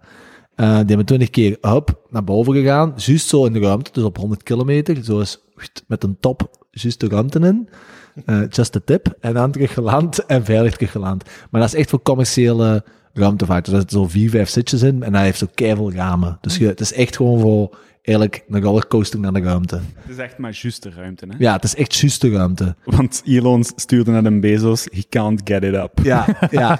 Dus die fucking biljonair, de rijkste fucking apen ter wereld, die hebben natuurlijk zo'n ego, dat die een Bezos, die kan dat niet slikken. Dus wat hij tegen zegt, Elon, fuck you. De eerste commerciële vlucht van mijn fallus, wie zit daarop? Bibi en mijn broer. Dus half juli, de eerste keer dat er effectief mensen in die raket zitten, is de Bezos zelf wel. Dus wel, dat is wel, Zo te dat is wel zot. Allee, Dat ik vind dat wel, ja. en dat is echt, dat is puur daardoor, hè. dat is puur ego, hè. Mhm. Ik ben de eerste, hè. Iemand heeft dat nog niet gedaan. Ik kan dat wel doen. Uh, dat is echt, dat is echt, dat zijn kleuters, hè? Dat zijn Ja. echt kleuters, hè? Tuurlijk. Hoe zou je zelf zijn? Ja. Alles Dus dat is nooit misgegaan of zo, dat is altijd goed gelukt. Uh, dat zijn we die eens kwijt, wel dingen misgegaan. Maar dat is al wel een hele tijd geleden. Ja, dus die... Mijn, drie- mijn, hij en zijn broer, dat zijn zijn beste maat ook, die pakken twee zitjes. En het derde zitje hebben ze... eh eh, kon nog op bieden. En dan het hoogste bod ging naar een, eh, een GO dat hij heeft gestart voor stamonderzoek en nieuwsgierigheid bij de jeugd. En, Oh, ja, voor een goed doel. Voor een goed doel. Mooi. Ja. is verkocht voor 28,5 miljoen dollar. Maar je- ja, Iemand Wel bij de 28 eerste, miljoen hè, euro betaald. 28,5 miljoen dollar. En wie is dat? Dat weet ik niet. hè. Hmm. En dat is binnen twee weken. crazy. Nee, binnen een maand. Stel u voor dat dat, Dat ding mooi. ontploft. Reality is better than fiction, boys. De rijkste mens ter wereld, hè? Ja. Zelfs na zijn scheiding van 70 miljard, hè? Die, die, die, Hoeveel is zijn vermogen? 180 miljard of zo. En hij heeft er juist 70 moeten afgeven. Aan zijn vrouw. Ja. Nee, is goed gespeeld. Dat is toch zat? Ja. Alleen vraag 1, of wat? Pasha, jij moet nog antwoorden. Hoe is het met jou? Eh, goed met mij. Ik- eh, echt waar. Ik heb eh, examens afgelegd van mijn studenten deze maand, deze weken. Eh, het was zeer boeiend om te zien, omdat ze in coronatijden uh, les hebben gekregen van mij. En, en het resultaat ervan is altijd wel zo afwachten, van hoe hebben ze het wel opgepikt. Maar eh, ik had het examen gespreksvoering deze week. Dat was wel heel boeiend. Die moeten dan eigenlijk ehm, op een tactische manier gesprekken voeren, crisissituaties oplossen. Bijvoorbeeld, eh, een jongere wordt agressief, hoe krijg je die kalm? Of eh, je moet slecht nieuws gaan melden aan iemand, mama, want haar zoon is overreden door een tractor. En er zijn tactische manieren om... Dat is toch in het echte case? Ja, dat zijn wel echte cases. Ik zal echt in mijn lach schieten met mijn oké. Ja. Ja, allee, die- en we hebben dan een acteur, die komt dan echt spelen, die kan dan ja, echt wenen, echt, echt emoties doen, die zijn getraind. En mijn studenten moeten daar dan op inspelen. En ik zit dan twee meter verder met een notitieboekje, schrijf ik elke zin op en hoe dat die dat dan doen. En die hebben allemaal van mij door in het jaar tactieken geleerd, hoe dat je mensen kunt kalmeren, hoe dat je, welke vragen je moet stellen, eh, gevoelsreflectie, parafraseringen. Ehm, dus eigenlijk hoe dat je een mooi gesprek kunt, kunt, ehm, kunt starten. Bijvoorbeeld bij slecht nieuws moet je, dat is, dat is een standaard, standaard regel, ook bij de politie leert je dat, bij slecht nieuws, dan moet je ehm, direct binnenkomen en direct slecht nieuws melden. Direct. Je mag niet vragen, hoe is het met u, ça va, een beetje small talk. Nee, gewoon binnenkomen, ik heb slecht nieuws voor u, Chantal. Uw dochter is zo net vermoord. Bijvoorbeeld. Hè? En dan moet je emoties opvangen. hè. Dus je moet eerst slecht nieuws brengen, emoties opvangen en dan daarna nazorg. hè. Dus, maar mijn zijn ook soms zenuwachtig, dus die durven dan niet direct slecht nieuws brengen. Dus dat is heel boeiend, ik heb hierop getraind. En ik heb dan deze week examens afgenomen en dat was echt heel fijn om te zien. Die zijn echt zo gegroeid. Dus ja, die zijn echt zo klaar om dat werkveld in te gaan. Iedereen slecht nieuws te brengen en iedereen... maar ook om iedereen gewoon te ondersteunen. Als je je slecht voelt, die weten welke vragen je moet stellen. Die weten hoe dat je iemand kunt kalmeren. Dat is echt een gave. Ja, super. Eh, zeker met jongeren die niet goed in hun vel zitten of eh, mensen met beperking die zich niet begrepen voelen. Op welke manier kun je daarop, eh, daarmee communiceren? Dus dat is een, ik vind dat een heel fijn vak en eh, ik haal er heel veel voldoening uit. Omdat ik zelf heel veel vanuit mijn eigen achtergrond, ik probeer dat cultureel er ook eh, in te steken. Want hoe gaat het om met vluchtelingen? Dus daar probeer ik heel veel ehm, eh, aan te reiken aan hun filmpjes eh, en ervaringen. Dus dat was leuk. Hoeveel studenten heb jij? Ik zie hier op een jaar ongeveer 500. Ehm, maar ik heb ook gastlessen, hè, dus daar bereik ik veel meer mensen mee. Maar zo echt zo face-to-face, ik denk ik, nee, een honderdtal of zo. Dus 100 studenten volgen die hebben dat examen moeten afleggen. Niet allemaal dat examen, maar inderdaad praktijkexamens rond de 100 of papers, et cetera. Ja. Mijn vraag is eigenlijk, hoe dikwijls heeft een acteur moeten janken op een namen? Dat zijn verschillende casus, maar ik heb zelf ook moeten acteren bijvoorbeeld, dus wij doen een beurtrol. Dat is super vermoeiend. Ik was Oh ja. ja, ja, dat is al kapot die dag. Ehm, want ik probeer me ook echt in te beelden in, in die jongeren. En dan, ehm, ik moest iemand spelen met een beperking. Iemand van 24 jaar met een zware verstandelijke beperking. Ik moet die Je dan dacht aan de komen. Bijvoorbeeld, Kobe was, was vaak mijn muze, inderdaad. Kobe was uw muze. Komen als een hè. maar het, het boeiende was wel, en je compliment, ik weet niet hoe dat ik dat moet eh, verwoorden, maar eh een iemand van die jongeren die zei, ik werk al een paar jaar als stagiair bij mensen met beperking, en dit was echt zo levensecht dat ik mij zo goed voelde bij u. Ehm, deze was zo realistisch gespeeld, dus eh, dat is eigenlijk een heel mooi compliment. Dat ik, Ja. ja. Mensen met een beperking goed kan naspelen. Ik zou dat heel graag eens zien nu. Ik zou dat heel... Ik wil... Ja. Ja, we kunnen dat live doen, eh, als je dat wilt. eh slecht nieuws brengen en dan eh, eens zien hoe dat je het doet. Ik moet, niet, ik moet slecht Ik kan nu een casus voorlezen, of een casus aanreiken, en dan moet jij zelf... eh je kunt altijd doen. Ja, nu heb je zelf Als je wilt, als je wilt kunnen we het doen. Ja, we Wat- kunnen het ook niet knippen, want niemand heeft een idee hoe dat, dat spel marcheert. We kunnen dat doen. Ik zal u een casus geven. Oh, dit is fantastisch. Ja. En dan, Ik had eh, ook de kou ondertussen. Ik ken een echo. Ik vind het wel goed zo. ik heb het goed, Ja. ik heb het goed. Ik ga zelfs zweten werk.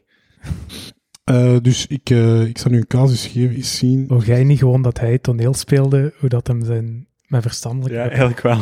En nu zit je daar. En backfired. Dat is heel lullig. Zo gevaarlijk, hè, Ja. die podcast. Oh.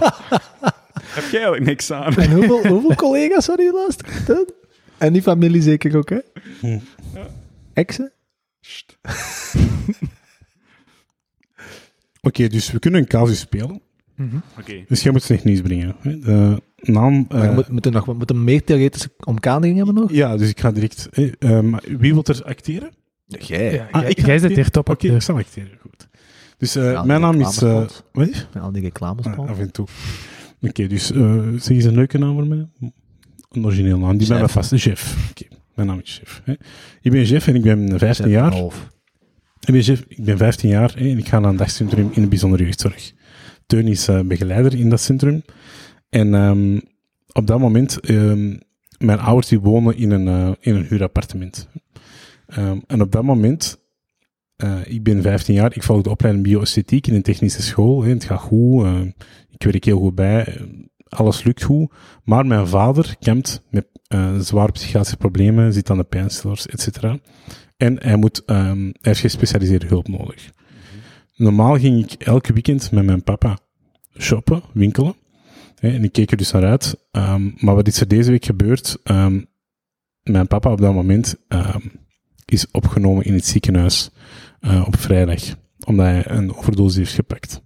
En jij kon mij het slecht nieuws brengen dat mijn papa een overdosis heeft gepakt. Maar hij is niet dood. Hij is niet dood. Oh, Oké. Ja. Dus jij, jij komt naar mij. ehm er was een heel scène op straat. De buren hadden gebeld. En jij werkt in het dagcentrum. Jij hebt via via gehoord dat er iets gebeurd is met mijn papa. En jij komt dat tegen mij vertellen. Ik heb een heel, ik heb een verstandelijke beperking. Dus ik begrijp niet alles wat jij zegt ook. Hè? Eh, dus ik heb moeite mee met bepaalde woorden. Ik kan ook niet alles goed verwerken. Goed. En jij gaat, jij gaat mij die info nu geven dat ik dit weekend ehm, in de residentieel voorziening moet blijven en dat ik niet naar huis ga. Eerste live roleplay op die door. En krijgen ze daar normaal voorbereidingstijd voor? Of? Ze krijgen die casus een week op voorhand toe. Een week op Maar ik moet, ik moet eerlijk zeggen, dat is geen blessing. Want er is altijd een addertje onder het gras. Dus eigenlijk weet je niet wat er gaat gebeuren. Dus het beste is eigenlijk om het inderdaad à la carte direct à la minuut te doen. Ehm, dus ik zou zeggen, het is niet zo echt niet een nadeel. Op instinct, hè? Come on. Dus kijk, ik zit neer. Eh, jij, kom, jij mocht even naar buiten. We laten het drie minuten duren. Je mocht even Drie timen. minuten? Drie, normaal duurt het zeven minuten, maar goed. Ik zal, er- ik zal er drie minuten van maken. Dus hé, mijn naam is Chef. Jij bent mijn begeleider. Ik ken u ook niet. Ik ken u ook niet. Hè? Jij werkt daar, maar ik ken u niet. Oké, Oké, dus jij komt binnen. Maar weet je nog welke tip ik daarnet heb gezegd? Wat je moest doen? Met slecht nieuws? Ja, ja. Ja? Oké. Hallo? Dag chef, ik ben Teun. Hallo, tot ziens. Chef, Ja? het ziekenhuis heeft mij juist gebeld. Je hebt grappige schoenen aan. Ik kan je voetjes komen. Sandalen, hè, chef. Dat is Chef. leuk. Ik, daar, ik wil ook zo'n twee van deze schoenen hebben. Ja? Kijk, ik- Maar chef, moet eens even naar mij luisteren. Chef, Ik uitkleden. Ik ben Teun. Ah, maar waarom heb ik mijn haar aan? Chef. Chef. Chef, kijk eens even hier. Oh ja. Kom, chef. Hm. Ik moet eens even, je moet eens even naar mij luisteren. Ja. Het, zieken heeft, het ziekenhuis heeft mij juist gebeld. En het ziekenhuis heeft verteld dat ze uw papa hebben binnengebracht. Ja. Uw papa voelt zich niet goed. En uw papa gaat dit weekend niet met jou op stap kunnen gaan. Je gaat dit weekend hier moeten blijven. En wij gaan goed voor u zorgen. En we gaan binnenkort samen eens kijken naar uw papa en luisteren hoe het met hem gaat. Papa is, is niet meer hier, maar morgen kan hij pijnstiller pakken en dan kan hij terugkomen. Ja, maar papa is Dat momenteel... kan Ja, altijd. Als hij hoofdpijn heeft. papa heeft wat te veel gaan gepakt. Nee. ehm.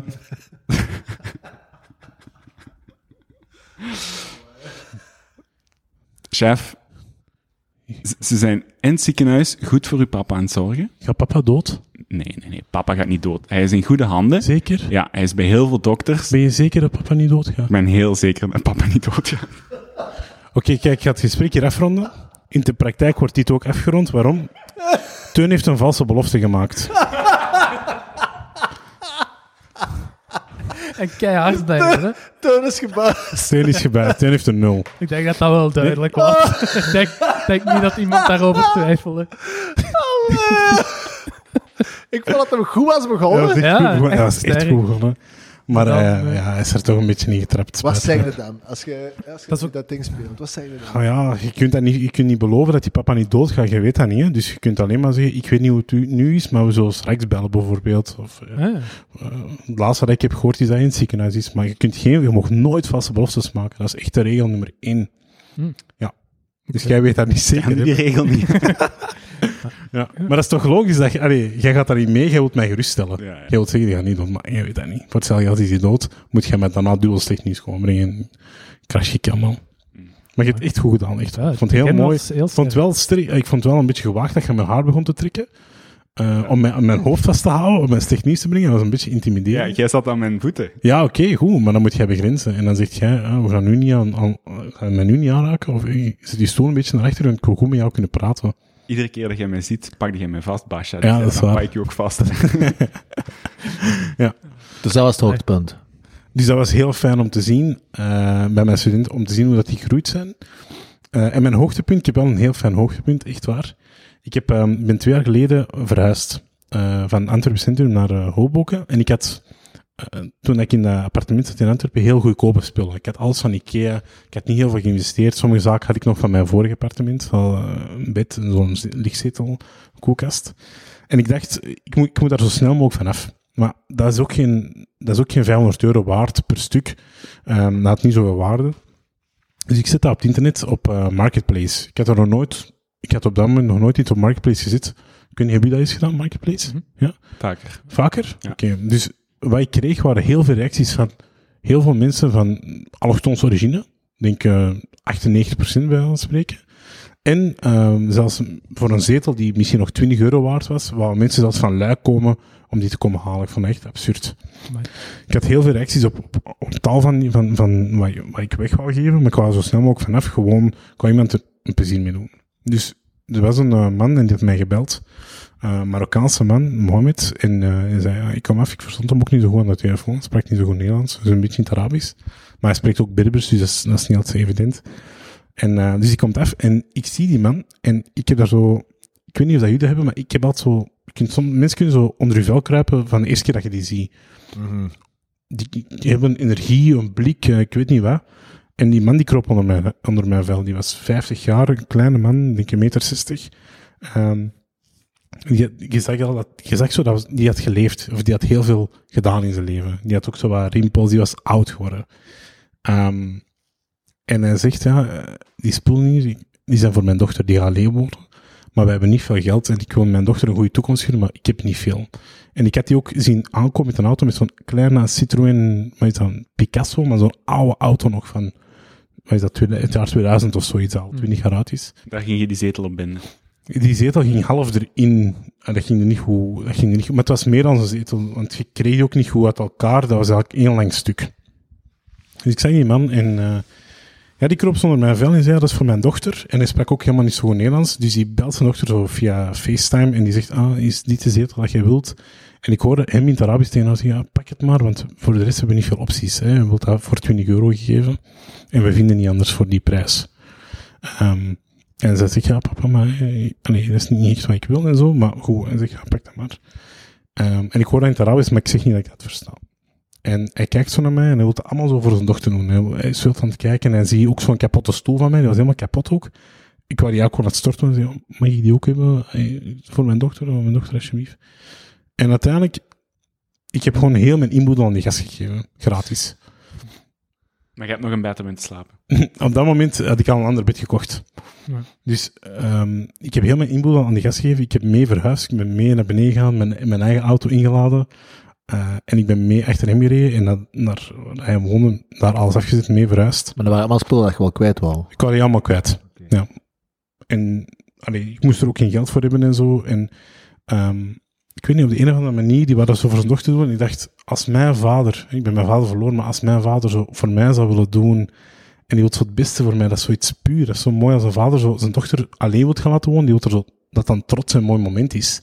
Maar het feit, dat, dat is gelijk als je kind naar, naar, school gaat, naar het eerste kleuterklasje, je wilt dat hij een nieuw boekentas heeft. Je wilt dat hij zo een mooi rugzakje heeft van, met een prinsesje, maar je kunt dat niet geven.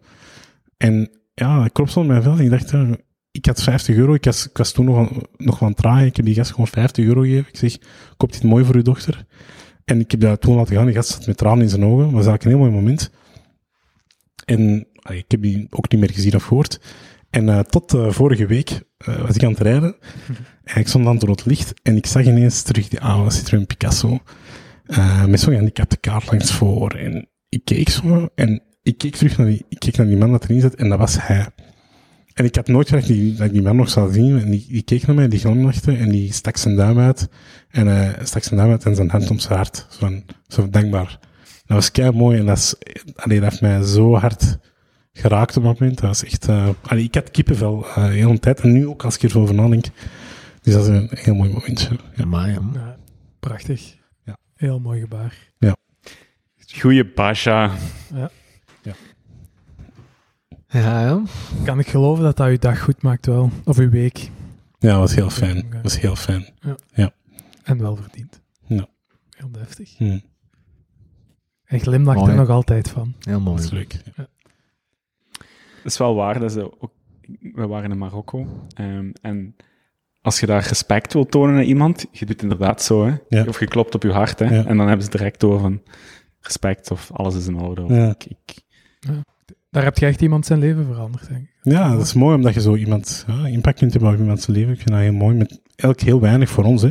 Ja, Ehm, dus ja, ik vind dat leuk. Maar ik doe dat vaak. Ik probeer zo vaak kleine dingen te doen zo voor mensen. En de Ikea, ik zeg van, uh, eergisteren, ik weet niet wanneer, ik zag, ik zag een man, eh, de security gast, heel in de zon zitten.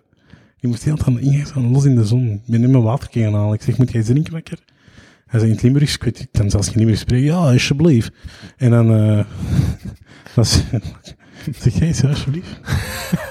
ja, alsjeblieft. Ja, zo, zo sprak hij. En ik ben die water gaan halen. En ja, dat is leuk. Ik weet het, niemand, die gast zit er de hele dag. Niemand geeft die iets. Geeft die gewoon een flesje water en die gast gelukkig. Uh, Ja, kleine dingen.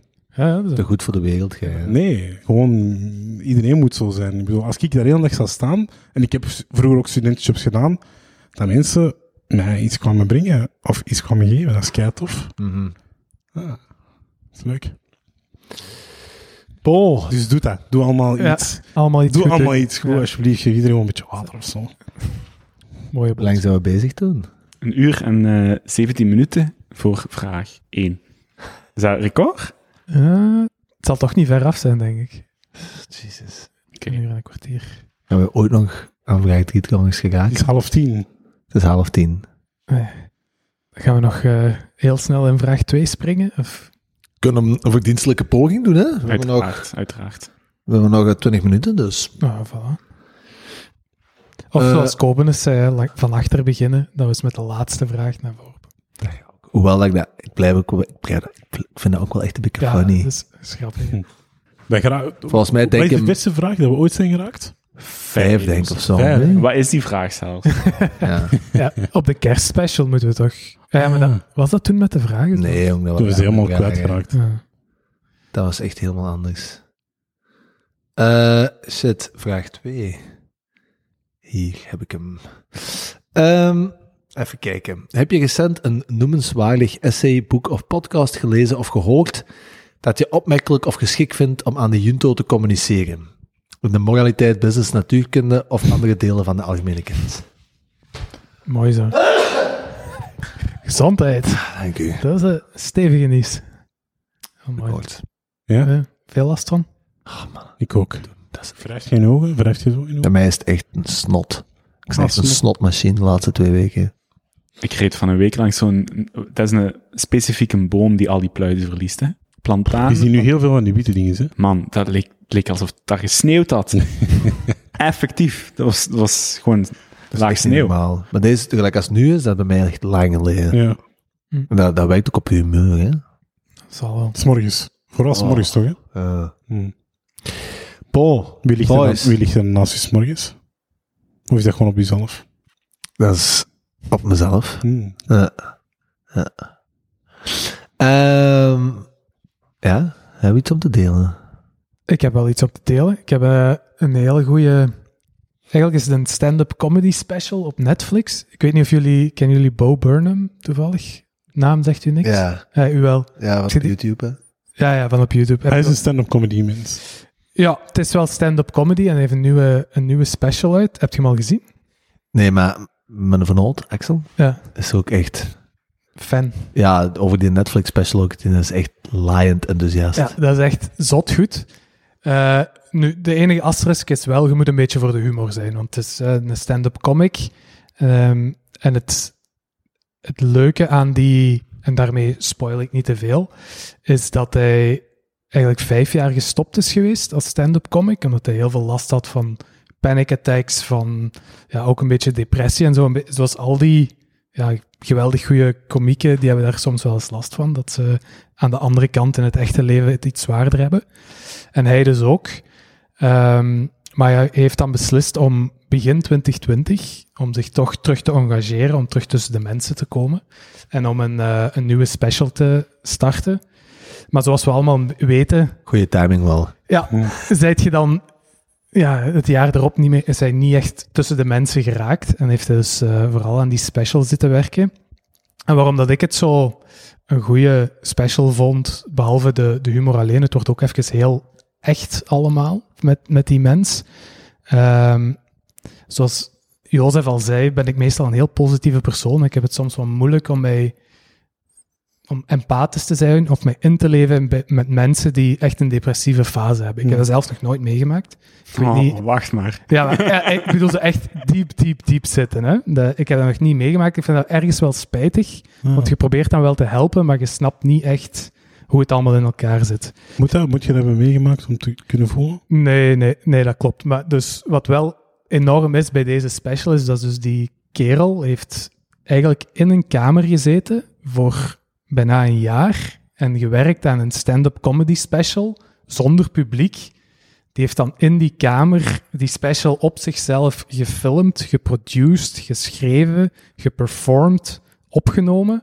En dat staat nu dus op, op Netflix. En je ziet dat... allee, het is zoals je je voorstelt, met dat het begint... Hij komt gewoon de kamer binnen en op het einde is zijn haar veel langer en zijn baard is veel Hmm. langer en zijn humeur is anders. Maar het is echt een, een gigantische aanrader om te kijken, voor, voor zowel de, de comedie als voor ja, wat je gewoon voor je ogen ziet gebeuren. Ik denk dat je daar heel veel het verhaal in ziet van hoe sommige mensen, of hoe iedereen deels COVID heeft beleefd, dat binnenzitten, het geen contact hebben met mensen.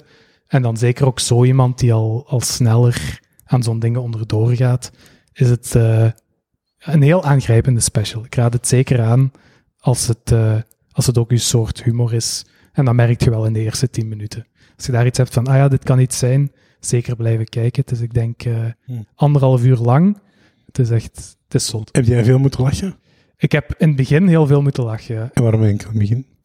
Eh, omdat hem in het begin net was begonnen met de special te maken. Dat was echt nog hoogte en dan is dat omlaag gegaan. Of, qua donkerder humor. Ja, het, het, blijft, het blijft wel een comedy special, hè, maar er zijn ook heel veel intermissies tussen. En ja, het is een stand-up comic die voor mensen wil performen en hij heeft geen publiek en zit echt gewoon in die kamer voor een jaar lang die special te maken. Ik wil ook niet te veel. Maar zitten spoilen. heeft hij daar een lachband op geknald?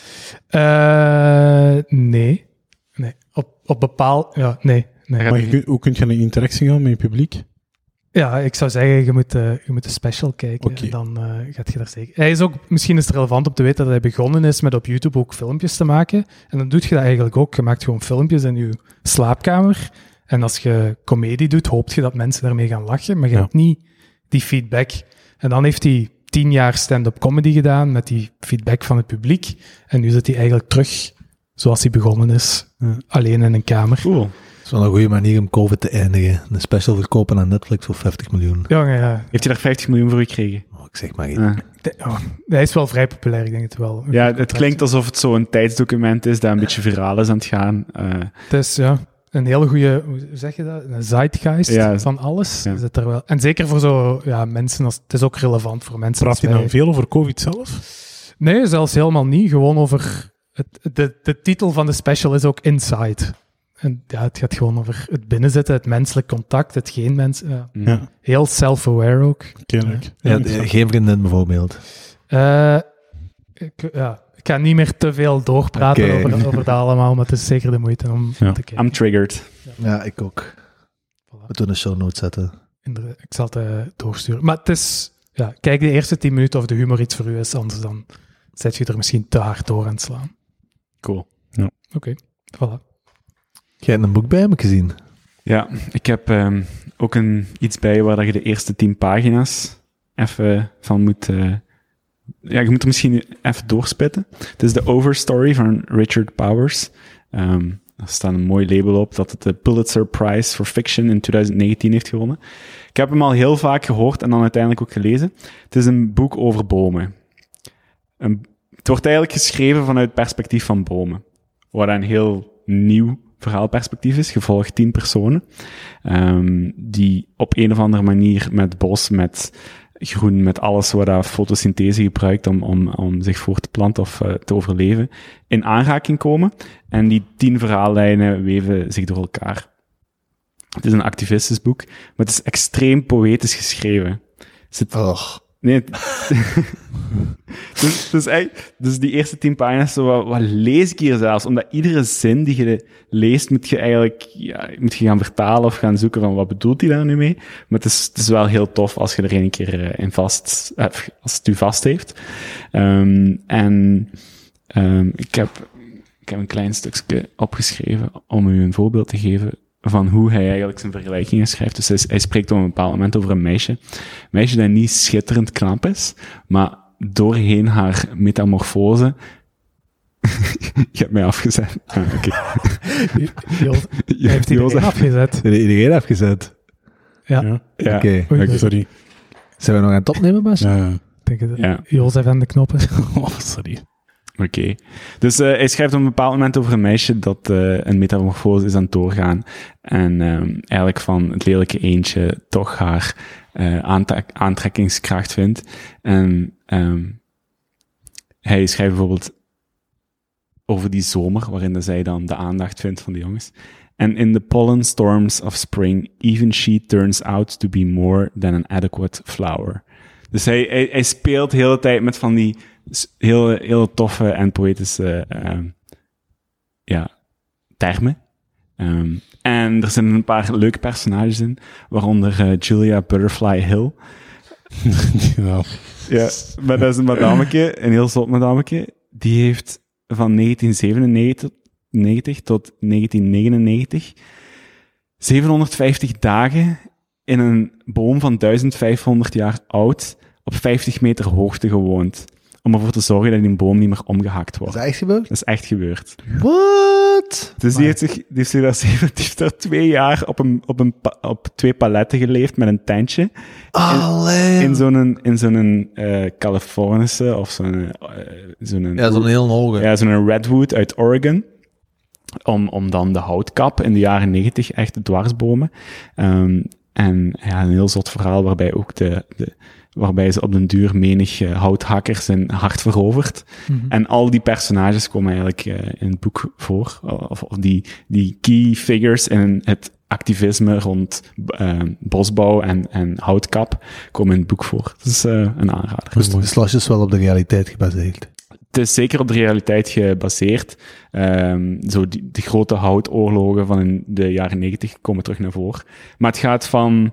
Het start denk ik in 1970 en het gaat helemaal tot eh 2025 of zo. Dus, dus alle moderne thema's komen erin voor. 2025? Ja, het gaat even, het gaat, het gaat even de, De toekomst in. in. Yes, yes, yes. En Overstory, van, van waar komt de titel? De overstory, dus het, het alomvattende verhaal is bomen, maar je volgt tien personages die op een of andere manier strijden voor bomen, met bomen in aanraking komen, of Ehm, ja, beïnvloedt dat. Dat is echt milieugericht dan. Of het, is, nog- het is een activistisch boek in principe, ja. Het is echt een, het is een ode aan de natuur. Oké. Ja. Ja.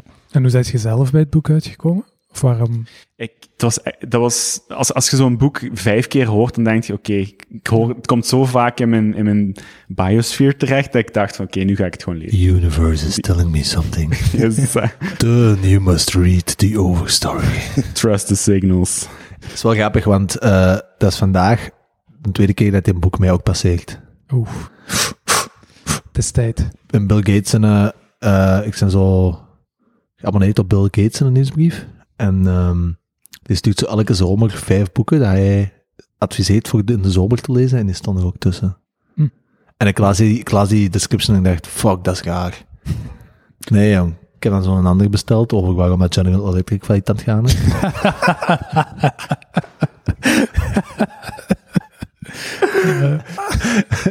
maar ja. ja, ja, nee.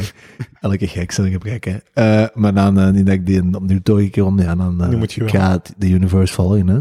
Mhm. Pak Cool. het mee naar Italië. Ik wil, ik wil twee, ik heb er al over nagedacht. Ik wil één boek zeker lezen als we in Italië zijn. De biografie van Leonardo da Vinci. Hm. Door, eh noemt hem die nou ook Steve Jobs heeft gedaan? Ehm, Walter Isaacson. Je zit wel een biografie, man, hè? Ik vind dat zalig, jong. Een goede biografie is toch fantastisch. Je, kunt heel iemand... Ja, een biografie wordt meestal geschreven door iemand met wel een bewogen leven. Dus je kunt eigenlijk heel iemand zijn interessante leven met alle ups en downs gewoon eigenlijk meemaken. Op de meest intieme manier, vind ik persoonlijk. Dikwijls, via het geschreven woord, dat, dat heeft het dan nog een zekere diepere intimi- intimi- intimiteit als met een film of zo, vind ik. En alle lessen en alle, alles wat zo'n mens heeft opgedaan, op, dat kunnen we gewoon met zo'n 10 uur, 12 uur een boek. Dat is toch fantastisch? Ja, ja, ja sowieso. Ja, mij spreekt dat minder aan. Zo'n biografie. Kun je erom? Allee, jong. Zou jij dat fijn vinden als van uw biografie zou komen later? Mm. Kunnen er een schrijven in Italië, hè? Ik, eh, ik zou daar niet noodzakelijk een sterke emotie over hebben. Ja, Nee. ik zou er wel voor openstaan. Eh, ik zal het niet weten, want ik ben dood, hè. Wordt er ooit pas... Misschien als je leeft. Als de, ja, nee. Nee, bon, nee.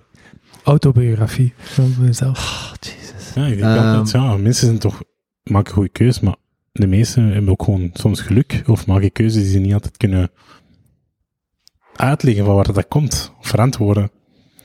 Daar, Ja, eh, zit, bij iedereen zit altijd, eh, als je iets groot bereikt, zit altijd een heel grote component geluk bij. Hè? Dat leidt mij misschien aan mijn kort puntje dat ik even op deze vraag wil aanhalen. Een van de betere biografieën dat ik ooit gelezen heb, hè, om een mooie overgang te maken. Eh, en nu gaat waarschijnlijk allemaal denken, allee, what the fuck, maar ik meen het, dat is echt, dat is een fantastische boek. Dat is de biografie van Arnold Schwarzenegger. Jezus. Echt waar, hè? Dat is echt... Als je die wilt, ik pak hem mee naar Italië, leg er bij even het zwembad, je begint daarin te lezen, dat laat u niet los. Die boek en die vent, dat is echt ongelooflijk. Dat is echt... Dat is een... Dat is een je kunt die boek niet... Je kunt, als je die gelezen hebt, ge- gelezen hebt, kun je niet, niet geïnspireerd zijn door die vent. Dat kan niet. Dat is ongelooflijk wat die alleen gepresteerd in zijn leven. En dan brengt me dat eigenlijk aan mijn effectieve punt. Eh dit in een nieuwsbrief. Sinds, sinds een paar maanden heeft Arnold Schwarzenegger op zijn 68ste, of hoe, eh, hoe, hoe oud dat hem nou ook is, misschien al 70, dit is een nieuwsbrief gestart. En gelijk als altijd als een Arnold die doet, is dat letterlijk de beste nieuwsbrief dat ik ooit al gelezen heb. dat is niet normaal. Kerel. Dat is echt... ik- Dat passeerde in de week op... ah, Tim, Tim Ferriss zijn, eh, eh, zo op vrijdagavond, is een eh, Five Bullets. Five Bullet Friday, stond dat erin. En ik dacht, huh? Dus ik klik dat aan, ik lees dat. Dat is echt... Ja, dat is fantastisch, hè? Zo van die stoeme filmpjes ertussenin, die dat je dan alleen maar kunt zien. Dus echt zo weer een next level gedaan. Zo, dat je alleen maar kunt zien als je newsletter subscriber bent op zijn YouTube-kanaal. Ja. Eh allee, echt formaat keigoed, keigoed geschreven. Op het einde zo nog, ja, echt, ja. Ik, ik zet het in de show notes. abonneert u erop, je gaat het u niet beklagen. Ik Maar meen het wat echt. voor een nieuwsbrief is dat? Is dat zoiets? Ik stel me dan direct zo motiverende speeches voor. Of... Ja, gewoon de, de Arnold, die dat zijn, eh, zijn wijsheid gewoon tentoonstelt. Hè. Die vent is 68 jaar, die hey, dat is nu eens iemand die dat letterlijk alles heeft bereikt doordat hem ooit zijn, Ja. zijn, zijn, zijn, zijn focus op heeft gezet. Hè. Zit je nog in de politiek? Nee, nee die is nu gewoon, die is nu, die is letterlijk gewoon aan het genieten nu. Die, die, is, die doet dingen waar dat hem nu belangrijk vindt. Dus die doet zo heel veel rond bijvoorbeeld sport voor gehandicapte mensen. Ja, ja, sowieso. Vindt ja. hij heel belangrijk. Ja. Eh, ehm, zo gewichthechtcompetities voor, voor, voor, voor eh, mensen met, ja, die dat zo, dat je zo heel de tijd aan het beven zijn noemt. hè. Parkinson. Parkinson of zo. Dat, ah, dat soort van dingen, dat vindt hij fantastisch. Mhm. Ehm, maar die, die neemt nog cartoons op, die, die, die, die, die, die, die- die speelt nog meer films, maar die gaat dan ook skiën en die, zit nog elke dag te Hmm. bulken, te pompen. Ja, dat is echt mooi om te lezen eigenlijk, dat meen ik echt. En, eh, en zijn biografie ook, die is echt extreem open over zo, ook zo'n fout dat hij meegemaakt en zo. En, eh, Benny, hoe, hoe sluit hij dan zijn nieuwsbrief af? die had zo, net dan zo, ik denk dat hem op het einde zo nog, zo de vijf puntjes, eh, dat is zo heel verhalend, en op het einde heeft hem zo zijn, zijn favoriete eh, oefening van de laatste maand. Dus eh, welke gewichtoefening dat hem het leukste vond de laatste maand. Favoriete nummer, favoriete serie, eh, zo vijf puntjes, en dan op het einde zo nog een heel inspirerende, goede Arnold quote. Ja, I'll be back. I'll be back. Hm. Ja, Of is course. goed. Oké, heel cool. En Jozef, nog iets gevonden, gelezen, ge- opgevangen? Ik heb geen uh, ingelezen, denk ik. eh, ja. Fair enough. Geen, nee, niks, niks interessants te vertellen vandaag. Boys, dan is het gewoon Het is tijd om op af te ronden. de kop. Ja. Kwart voor tien, zeg. Prachtig eigenlijk. Hey, Grappig. we hebben dat overleefd, hè? En drie hele vragen. Gewoon een uur en drie kwartier. Geen belachelijke mopjes. Nou, Geen, ja, minder als normaal. Geen vettige opmerking. Misschien moeten we zo nog Nog een vettige een paar vettige, zo iets vettig, zodat we de kopen toch een beetje in ere houden. Nee? Iemand? Iets? Een, een Kunnen wij die foto van? Kober in zijn badjas in de show notes zetten? Kunnen we die niet als foto gebruiken? Ja, dat zou wel goed zijn, hè? Ja. Hey, echt een, dat, ik weet niet wat dat is met die foto, maar daar zit echt iets heel Ja. hoog aan. Kom, we zitten is toch lekker? notes. Ja. Oh man, ja, maar ja, de Kobe maakt de show notes. Ah, shit. Ja. Ja, Maar ja, wij zo- kunnen toch aan die in Instagram, dus daar kunt u het wel op zetten. Hè? Daar kunnen we het op ja, zetten. kom, we pakken het over. joh. Take Dat is een gevaarlijk spel, ze man. Dat is waar, dat is waar. Dat is waar. Denk eraan, de komen in een warschijf, hè? Ja, Een warchive. Die houdt alles bij, hè. dat is niet normaal. Ik zeg het, je wilt volgens mij niet weten hoeveel dat daar effectief van waar is, hè? Die maakt er altijd moppen over, hè? Ja, Maar dat is echt... ja, dat is gevaarlijk. Bo, eh Basja, voor mij dat je nu al een opname of twee hebt gemist, misschien moet je nog eens een hele lekkere, smakelijke Ah, ja. baba ganoush Ik heb, eh, ik heb baba ganoush of, gemaakt. Of, een andere Libanese specialiteit. Nee, nee, echt, echt waar. Ik heb, eh, mijn mama heeft baba ganoush gemaakt eh, afgelopen twee weken in de bar van Joya. In Bar Norm, in Lange Koepoortstraat. Fresh. en, Heeft die ook een kortingscode? ah ja, dus als je Oh. aan de ingang, als je bij Joya aankomt en je zegt Basha, Basha, mm. dus je moet gewoon mijn naam en dan een klein lichtjes kreun op het einde, dan krijg je Doe dat nog? Basha, mm. Als je dat doet, echt waar, dan zorg ik ervoor, dan kom ik je dat persoonlijk eh, serveren aan Kom jij persoonlijk Echt een waar. baba, Dan kom je afgeven? mee. En dat is heel lekker. En deze week terug. Dus eh, kom maar eentje halen. Mooi. Ja. Alright, Goed. Boys, Zalig. kletsen we hem af. mooi. Volgende is dan eh, terug met de Kobe erbij, hè? Kobe, Oh. we miss you. Of zonder komen, kan ook. Kobe, Kobe, we love you. Kobe, Jutem. Kobe, Kobe be safe. Kobe, tot snel. Misschien moeten we iets liefs zeggen voor Kobe. Mhm. Jutem.